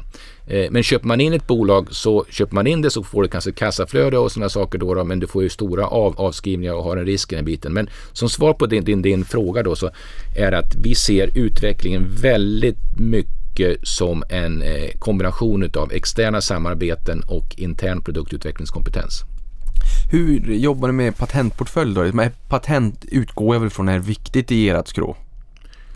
Ja, alltså det är ett önskemål att man kan ha patenter omkring, omkring produkter. Vi har ju ett antal patent eh, som skyddar vissa produkter. Då, då eh, men mycket utav, om vi tar våra media, det finns några eh, patent vi har omkring produkterna. Men medien, nu ska jag eh, igen då påpeka att näringslösningarna jag pratar omkring då, då så är det omkring eh, produktionsprocessen som är den viktiga biten då. då. Och då kan man säga, ja men varför går ni inte in och försöker få något patent på produktionsprocessen eller liknande saker? Ja, det visar sig kan vara väldigt komplicerat och problemet är att du gör det offentligt. så, så att, alla ser det? Ja. Mm. Så det är en kombination av den här biten då. då. Du pratade om tillväxt här nyss. Hur ser balansen mellan eh, organisk och förvärvad tillväxt ut? Och säg, nu har ni ju nettokassa. Om ni skulle förvärva också, vad är det ni vill förvärva? Liksom få in duktig personal, det kanske är huggsexa om, om personal där ute, spännande teknologi eller vad, vad, är det ni skulle vilja förvärva in? Så först balansen mellan organisk förvärvad tillväxt och sen om ni förvärvar, vad är det ni vill åt? Mm. Vi har nu sista kvartalet en tillväxt på 20 procent. Eh, I den är det egen tillväxt som kallas organiskt och det var vi utav våra egna produkter. Vi har inte köpt någonting som har förbättrat utan det är alltså organisk tillväxt. Vad, vi, vad jag säger när jag, när jag försöker prata våran, omkring vår verksamhet och hur vi går framåt så vill vi ha en kombination, behöver ha en kombination utav förvärvad tillväxt och egen organisk tillväxt. Då, då. Den, den förvärvade tillväxten då, då den eh, har vi ju då genom åren framförallt gjort genom teknikförvärv. Då, då. Eh, som vi sen då har lagt in och, och sen så med, efter ett år eller liknande så har vi gjort produktutveckling och så blir det då en del av den organiska tillväxten. Men du frågar också vad vill vi förvärva? Ja, vi, har, eh, vi saknar en del produkter i vår produktportfölj. Så att där skulle det vara intressant att göra förvärv så att vi får en mera komplett portfölj. Jag är väldigt intresserad utav eh, att kunna produktifiera eh, tidiga eh, teknologier. Visserligen kan det ha en risk, där skulle vi vilja köpa in någonting då. då. Och sen så är jag lite nyfiken på eh, de möjligheter som finns att kunna bredda vårt erbjudande till, till våra kunder beroende på vad våra kunder vill ha för någonting. Om det, det är en situation just nu att våra kunder blir mera globala och olika stöd de vill ha. Kan det vara hjälp inom kvalitetskontroll? Kan det vara olika typer av eh, klinik, patientsystem och liknande saker då? Så att skulle vi ha en portfölj som eh, gör att våra tillgodoser våra kunder men också tänker vad är det för någonting de kan behöva imorgon? Spännande. Och på tal om vad de kan behöva imorgon, en del som de behöver är utbildning och fortbildning. Ni har Vitrolife Academy. Mm. Berätta. Vitrolife Academy, det är en eh, enhet som vi har bildat där eh, vi eh, kombinerar med egen personal som kan sina, sina, sina, sina saker. Då, då. Ofta så är det någon som har doktorerat och kan gå ut och vara problemlösare eller vara utbildare eller vara stöd för kliniker som vill ha hjälp eller ska ta in nya produkter eller bara helt enkelt vara med när det kanske gäller en kliniks forskningsaktiviteter. Då, då. I den här strukturen så är det ju inte bara egna. Vi, vi köper in kompetens också där. Eh, andra kliniker som kan någonting kanske vill ha hjälp från ett annat land eller liknande saker. Vi jobbar eh, till exempel med några universitet då som har eh, professorer eller liknande som har unik kompetens då och som kan vara behjälpliga att bedriva utbildning, eh, support till eh, våra kunder. I fjol e-handlade man ju, eller, eller så här. I fjol e-handlade 85% av svenska befolkningen, men faktum är att era kunder, era kliniker e-handlar ju också. Och det har ökat ganska hyggligt faktiskt. Närmare 20% av totalt antal orders då görs via er e-handelsplattform som ni har. Berätta mer. Ja, det är ju en skillnad mot eh, Amazon. Alltså det är inte så att vi har våra produkter inom om man går in och köper dem utan, utan vad det är för någonting att vi hjälper ju våra kunder att få effektiva processer. Då, då. Och, och eh, de effektiva processerna är ju att vet kunderna, de har avtal med oss vad de ska köpa och vilken situation så den här gör ju då att det är mycket, mycket enklare att för dem att gå in när de vill på dygnet och lägga sina ordrar. Tjusningen är ju att man får ju ett, ett annat förhållande. De kan följa orderna och, den hela biten. Så att eh, det här är ju definitivt framtiden. Men när du tar upp den här biten så vill jag ju fortfarande säga att vi får order på fax alltså, alltså, alltså, vi pratar om e-handel och det här kommer vi i framtiden, vi satsar jättemycket på den här biten. Men det finns ju fortfarande några länder som, och det finns några kunder som skickar med fax. Och, ja, ehm, ja, det är någon kund i Frankrike till exempel som man inte ska säga så mycket då, då men, men, men det finns också kunder i Frankrike som, som lägger igenom, genom våran, våran e-handelsportfölj så att ja, det är lite lustigt. men företagskulturen då? Hur ser den ut på, på Vitrolife? Den, eh, jag skulle säga att det är det som har drivit våran framgång. Man pratar mycket om produktutveckling, man pratar omkring att man har en bra mm, produktportfölj, man pratar omkring att man känner kunderna och allting. Ja, det gör man, men den här kulturen är ändå det som bär ett sånt här bolag. Um, vi har gått igenom ett, ett, antal olika kriser som inte kunderna har upplevt, men vi har haft kriserna. Vi har varit ute till exempel för eh, ransomware. Vi var alltså ute för att bli, vårt IT-system för några år sedan blev kidnappade då, och helt plötsligt så inser man hur jäkla beroende man är av allting. Men vi lyckades då föra över allting och ha manuella processer. Alltså driva en sån här verksamhet idag, produktion med papper och penna, det går inte, men det gick. Vi jobbade dygnet runt och den här biten då, alla ställde upp. Och vi har ju haft den här biten då så att eh, jag skulle säga att kan ju bara utgå från mig själv. Det är ju att jag jobbar i det här bolaget, jag är 62 år gammal, jag hade redan slutat jobba när jag kom in i det här bolaget. Jag skulle komma in som interimare och hjälpa till med strategin, sitter här tio år senare. Vi har väldigt många som jobbar i bolaget för att eh, man gör någonting som är, som är bra. Och skapar ett avtryck. Ja, och många i det här bolaget också eh, det finns ju uttrycket då eh, idag med hållbarhet och det finns ju olika sätt man mäter den här biten. Ofta mäter man ju det bara i form av vissa schabloner. Hur många är det som är, till exempel i USA så mäter man ju då i olika eh, om man är från mexikanare eller om man är från någonting då. Medan i Sverige så är det mest män och kvinnor och åldern och biten då. Eh, och glädjande är att väldigt många i det här bolaget har eh, egna IVF-barn. Eh, eller också är de i en sån situation att de till exempel lever i samkönade äktenskap och då är det en förutsättning med IVF. Så att de alla förstår egentligen varför det är så viktigt med kvaliteten. Och jag vill säga att en sak med de anställda är att vi har eh, en person då som har gått ut så det är ingen fara med att säga den här biten. Hon jobbar i produktionen och hon sitter och gör då en, en, en, eh, ett tufft jobb, sitter i en produktionsprocess och kontrollerar och gör pipetter. Då, då. Pipetter är en liten, liten tunn sak. Då, då. Bland annat så är det en till då för att man ska kunna hantera och flytta ägg och de här bitarna. Då, då. Hon har själv ett IVF-barn. Och det är som hon säger, för mig är det så otroligt viktigt att veta om att när jag släpper den här pipetten så måste den vara felfri. För att om inte den här är felfri så kan ett ägg gå förlorat. Det vill säga den som ville ha ett barn kanske inte har en möjlighet att göra en ny hormonbehandling och då är allting förstört. Och den här mentaliteten är att vi hör ihop, vi gör någonting. Så att, eh, nej, det här är superviktigt. Det är oerhört intressant att höra. Ni har uppenbarligen förändrat människors liv som jobbar på Vitrolife och att man vill vara del av någonting större och skapa ett avtryck för framtiden. Fantastiskt intressant och roligt att höra. Eh, vilka nyckeltal tycker du är viktigast att hålla koll på när det kommer till, till er verksamhet? Tillväxt, lönsamhet. eh, när jag kom in i bolaget då så var det ju mer ett forskningsbolag då, då som, som låg ungefär runt eh, noll i lönsamhet och, och jag införde direkt den här biten att lönsam tillväxt.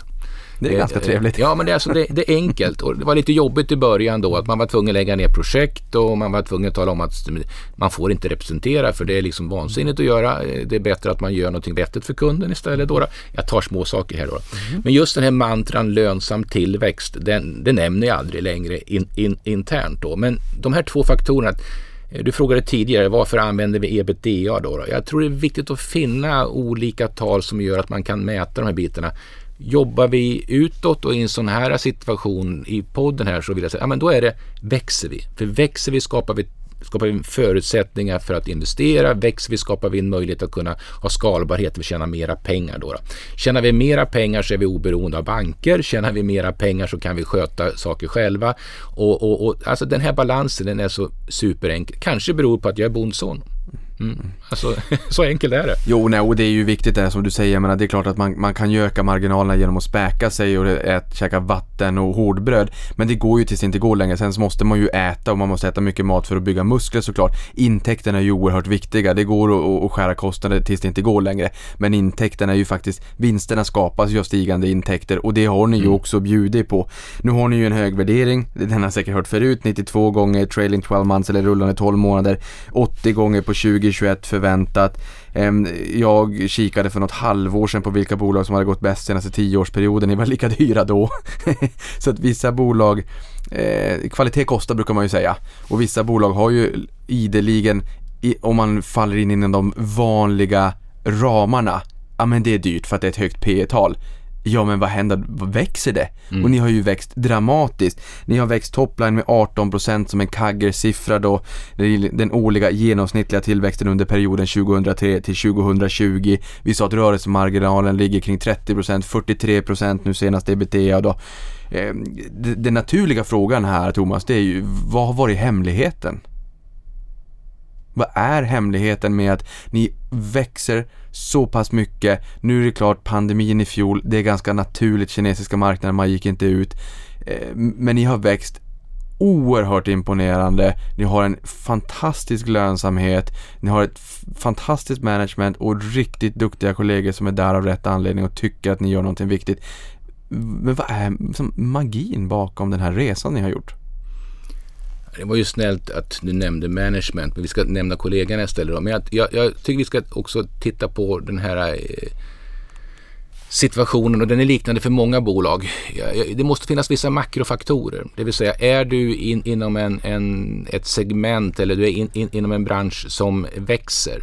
Så det är, förutsätt, det är förutsättning ett. Ja, vi är inom en, en, en eh, ett område där du har naturlig tillväxt. Kan du hantera den naturliga tillväxten och växa lite mer då, då eh, så växer du bra. Och då är frågan, hur kan du växa lite grann mera då? Det var ju den biten då. då. Så att då gäller det att eh, vara väldigt kundorienterad, försöka förstå kunderna och då kommer vi tillbaka till vad jag sa tidigare att vi fokuserar bara på den här biten. Alltså vi försöker förstå kunderna och sen så eh, ska vi inte glömma bort heller att det finns ett ett intresse. Vi är, ehm, vi är lite ehm, nördiga. Vi, vi, tycker det här är kul. Vi är lite nördiga rent, rent generellt omkring tekniken och vara ute och bedöma den, den, den här situationen. Då. Så jag tror att det är, jag skulle säga, jag vet att det är en underliggande tillväxt. Vi är lite grann nördiga. Vi fokuserar på den här verksamheten och sen att vi tycker det är kul. Jag tror inte du kan skapa ett långsiktigt bra bolag om du inte har kul. Och nu tog det väldigt många år här, 18 år ungefär då, då i, i, i perspektiv och, som säger 18, 19, 20 procent kontinuerlig tillväxt, sista kvartalet organisk 20, 20 procent tillväxt. Man gör inte det om man om man inte trivs på något sätt. Och det är klart att det finns folk som inte trivs. Vi har ju olika utvärderingar men, men rent generellt så har vi ju som bra utvärderingar både från våra kunder eh, som är nöjda med oss och, och, även internt så har vi en, en väldigt bra arbetskultur och den biten. Så jag tror att det är drivande. Vilka är de största riskerna framåt då skulle du säga? Riskerna är eh, några är ju geopolitiska. Och eh, några är ju förknippade med eh, teknologi då, då. Med de geopolitiska så jag är lite orolig för den här situationen mellan Kina och USA och, och den handeln. Alltså, vi är ju 99 procent utanför Sverige då. då. Och, och, våran, vi har ju produktion i USA, vi är inte någon produktion i, i, i Kina och vi är störst i Kina och vad är det som sker här framöver då. då. Så att, och vi är för liten för att kunna påverka utan för oss gäller det nu att ta ställning till hur kan vi försöka undvika de här riskerna då, då genom att bli mera kinesisk, kanske bli ännu mera amerikansk, eh, se till att vi inte förlorar vår japanska identitet. Alltså du, du hör att som litet bolag så måste vi ändå vara väldigt lokala. Där är det en risk. Klarar vi av den här biten, eller kanske kineserna en dag säger att ni får bara köpa in, in inhemskt. Den kan vi inte påverka, så det är en stor risk. Eh, den andra risken det är ju teknologirisken men den är inte sådär eh, direkt. Vad jag menar med den? Det tar en himla tid med alla regulatoriska godkännanden. Och det här är ju den här säkerheten när man jobbar inom, går tillbaka till life science, medtech, det är att har du en position så blir du inte av med den så himla lätt även om du gör ett halvdant jobb. Och likväl, det är inte så himla lätt att få den positionen bara heller då. Så att både eh, åt bägge hållen så har du ett skydd i, i, i, i de myndighetsgodkännanden som finns då. då. Ja, sen kan man också notera här, jag såg en siffra att i mitten på 80-talet så låg graviditetsfrekvensen efter en IVF-behandling på 15% ungefär, 90-talet 25-30 och nu är vi uppemot 50% på tal om teknologisk utveckling. Fantastiskt. Vi ska också säga så här, tiden går fort när man har roligt, vi har någon liten fråga kvar, men vi kan väl bara notera att era finansiella mål då eh, stipulerar 20% årlig tillväxt som ett snitt över tre år över 30% ebitda-marginal och under tre gångers eh, nettoskuld då i förhållande till nej, ebitda, alltså skulden i förhållande till rörelseresultatet före av och nedskrivningar. Väldigt sunt, väldigt eh, eh, det är imponerande mål, men, men ni håller dem ju. Följer du pilotskolan? Ja. Underbart. Hur ser ägarbilden i bolaget ut? Ägarbilden just nu är att vi, den största ägaren är en eh, dansk stiftelse, William Demant Invest då, då eh, som har 27 procent. Och eh, den andra ägaren är då Bure, svenska investmentbolaget Bure som jag tror de flesta känner till i Avenza-podden. Då, då. Och eh, här har vi då fått en förändring i ägandet de, de, de år som jag varit inne i bolaget. Då, då där William Demant har kommit in från ingen position alls, är den absolut största. Och eh, du nämnde att det är väldigt många eh, aktieägare som också har sina aktier i Avanza då, då som är aktieägare i, i Vitrolife. Men vad som har hänt i bland de 15 största ägarna är då att vi har fått en ny stor ägare, Lendemant, och sen har det kommit in internationella ägare. Jag kommer att vara nästan bara svenska ägare. Nu har det eh, förändrats så att eh, jag skulle säga att vi är ett skandinaviskt bolag med en ganska så stark ägarbas också utav starka internationella eh, investerare. Då, då. William Demant där, är, det inte de som gör um, hörapparat så? Men jag har en kollega i Aktiespararnas lokalavdelning där jag sitter. Han lyssnar ju också på poddar, jag älskar poddar, men hans poddar låter ju förmodligen bättre för han kör bluetooth rakt in i hörapparaten. är, är, det liksom, är det de som äger er? Eller som är storägare i er? Ja. Mm. Inte hörselbolaget, mamman till det då. Mm. Alltså på holdingbolaget, alltså investmentbolaget. Så att det danska bolaget då, då som är, är största ägare i Vitlife, de är ju också huvudägare i William Demant då, då eller Demant då, då, som är noterat i Danmark. De är också största ägare i till, i till exempel Össur och Össurs VD är ju också styrelseordförande i Vitrolife. Och, och, de är också nu största ägare i Cellavision. Vi kan fortsätta. De, alltså det, de är väldigt stora i, och, och, och, satsar långsiktigt att, och jag, jag, man ska ju som VD aldrig kommentera ä, men jag är väldigt glad att ha en sån industriell långsiktig ägare. Alltså jag tycker att det här är superintressant. Vitrolife, fantastiskt intressant. Demant, absolut. Mer också mot åldrande befolkning och sådär och den typen av hjälpmedel där. Össur, jätteintressant. Jag var med och anordnade en investerarresa med Unga Aktiesparare 2014 till Island. Då var vi in och besökte Össur. okej. Och man inser att det är så här, mm, som en transformers, alltså om man då blir av med, med att man amputerar ett ben eller vad det kan tänkas vara. De här uh, högteknologiska produkterna som de hade, oerhört imponerande. Noterat både på Island och Danmark som Japp. jag förstår det. Japp. Spännande. Ehm, har du några medskick så här i slutet till de som kanske har lite svårt att få barn eh, och som kanske skulle kunna, ja men som försöker men inte riktigt lyckas?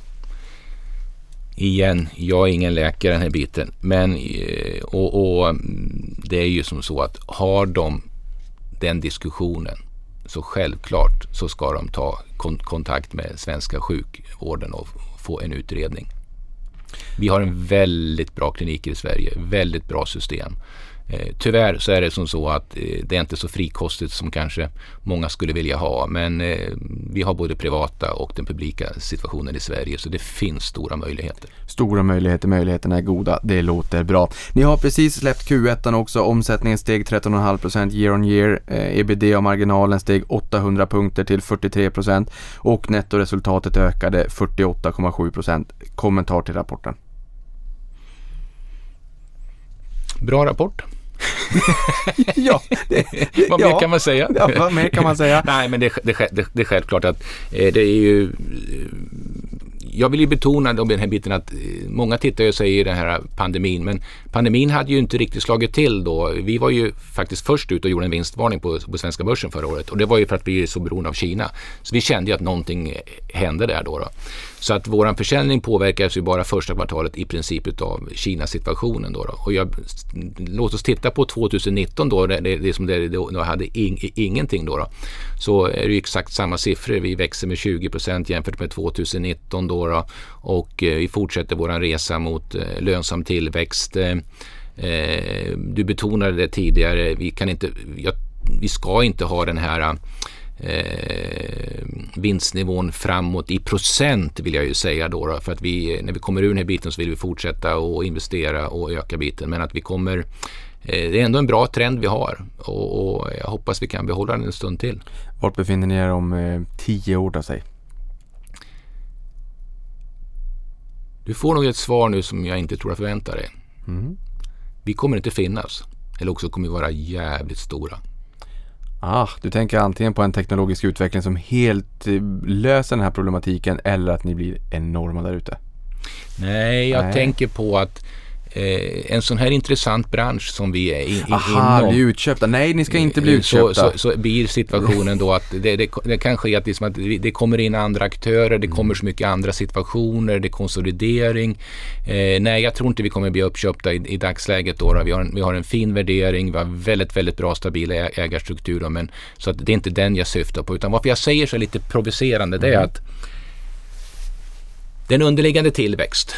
Det finns en situation, eller sån otroligt unmet need som man säger på engelska. Det finns ett behov som är väldigt, väldigt stort. Och eh, kan vi vara med och se till att vara med och lösa den här biten så kommer vi växa. Kommer vi inte kunna vara med och lösa den här sidan så kommer teknikutvecklingen och situationen göra att eh, Eh, vi har eh, förlorat marknadsandelar, vi har blivit på tok för billiga och då blir vi ut, utköpta. Inte för att vi liksom är, är, är, är en riktigt, riktigt fin som man köper då, utan att då är vi liksom ful om man köper ut oss. Men det kommer inte hända. Men jag vill säga att det här sättet att resonera tycker jag man ska ha lite grann som en, en, en ved. Man ska ha lite paranoia på det sättet. Ah, vi måste anstränga oss. Vi måste anstränga oss. Det låter bra. Thomas, tiden går fort när man har roligt. Det här har varit oerhört intressant. Jag hörde av mig till dig i fjol för ett år sedan. Det brann på finansmarknaderna. Jag har sett fram emot det här avsnittet sedan dess. Att få gästas av dig och få lära sig mer om Vitrolife. Ni skapar skillnad där ute. Oerhört intressant. Tusen tack för att du kom hit. Tack för att jag fick komma. Och stort tack för att du lyssnade på det här.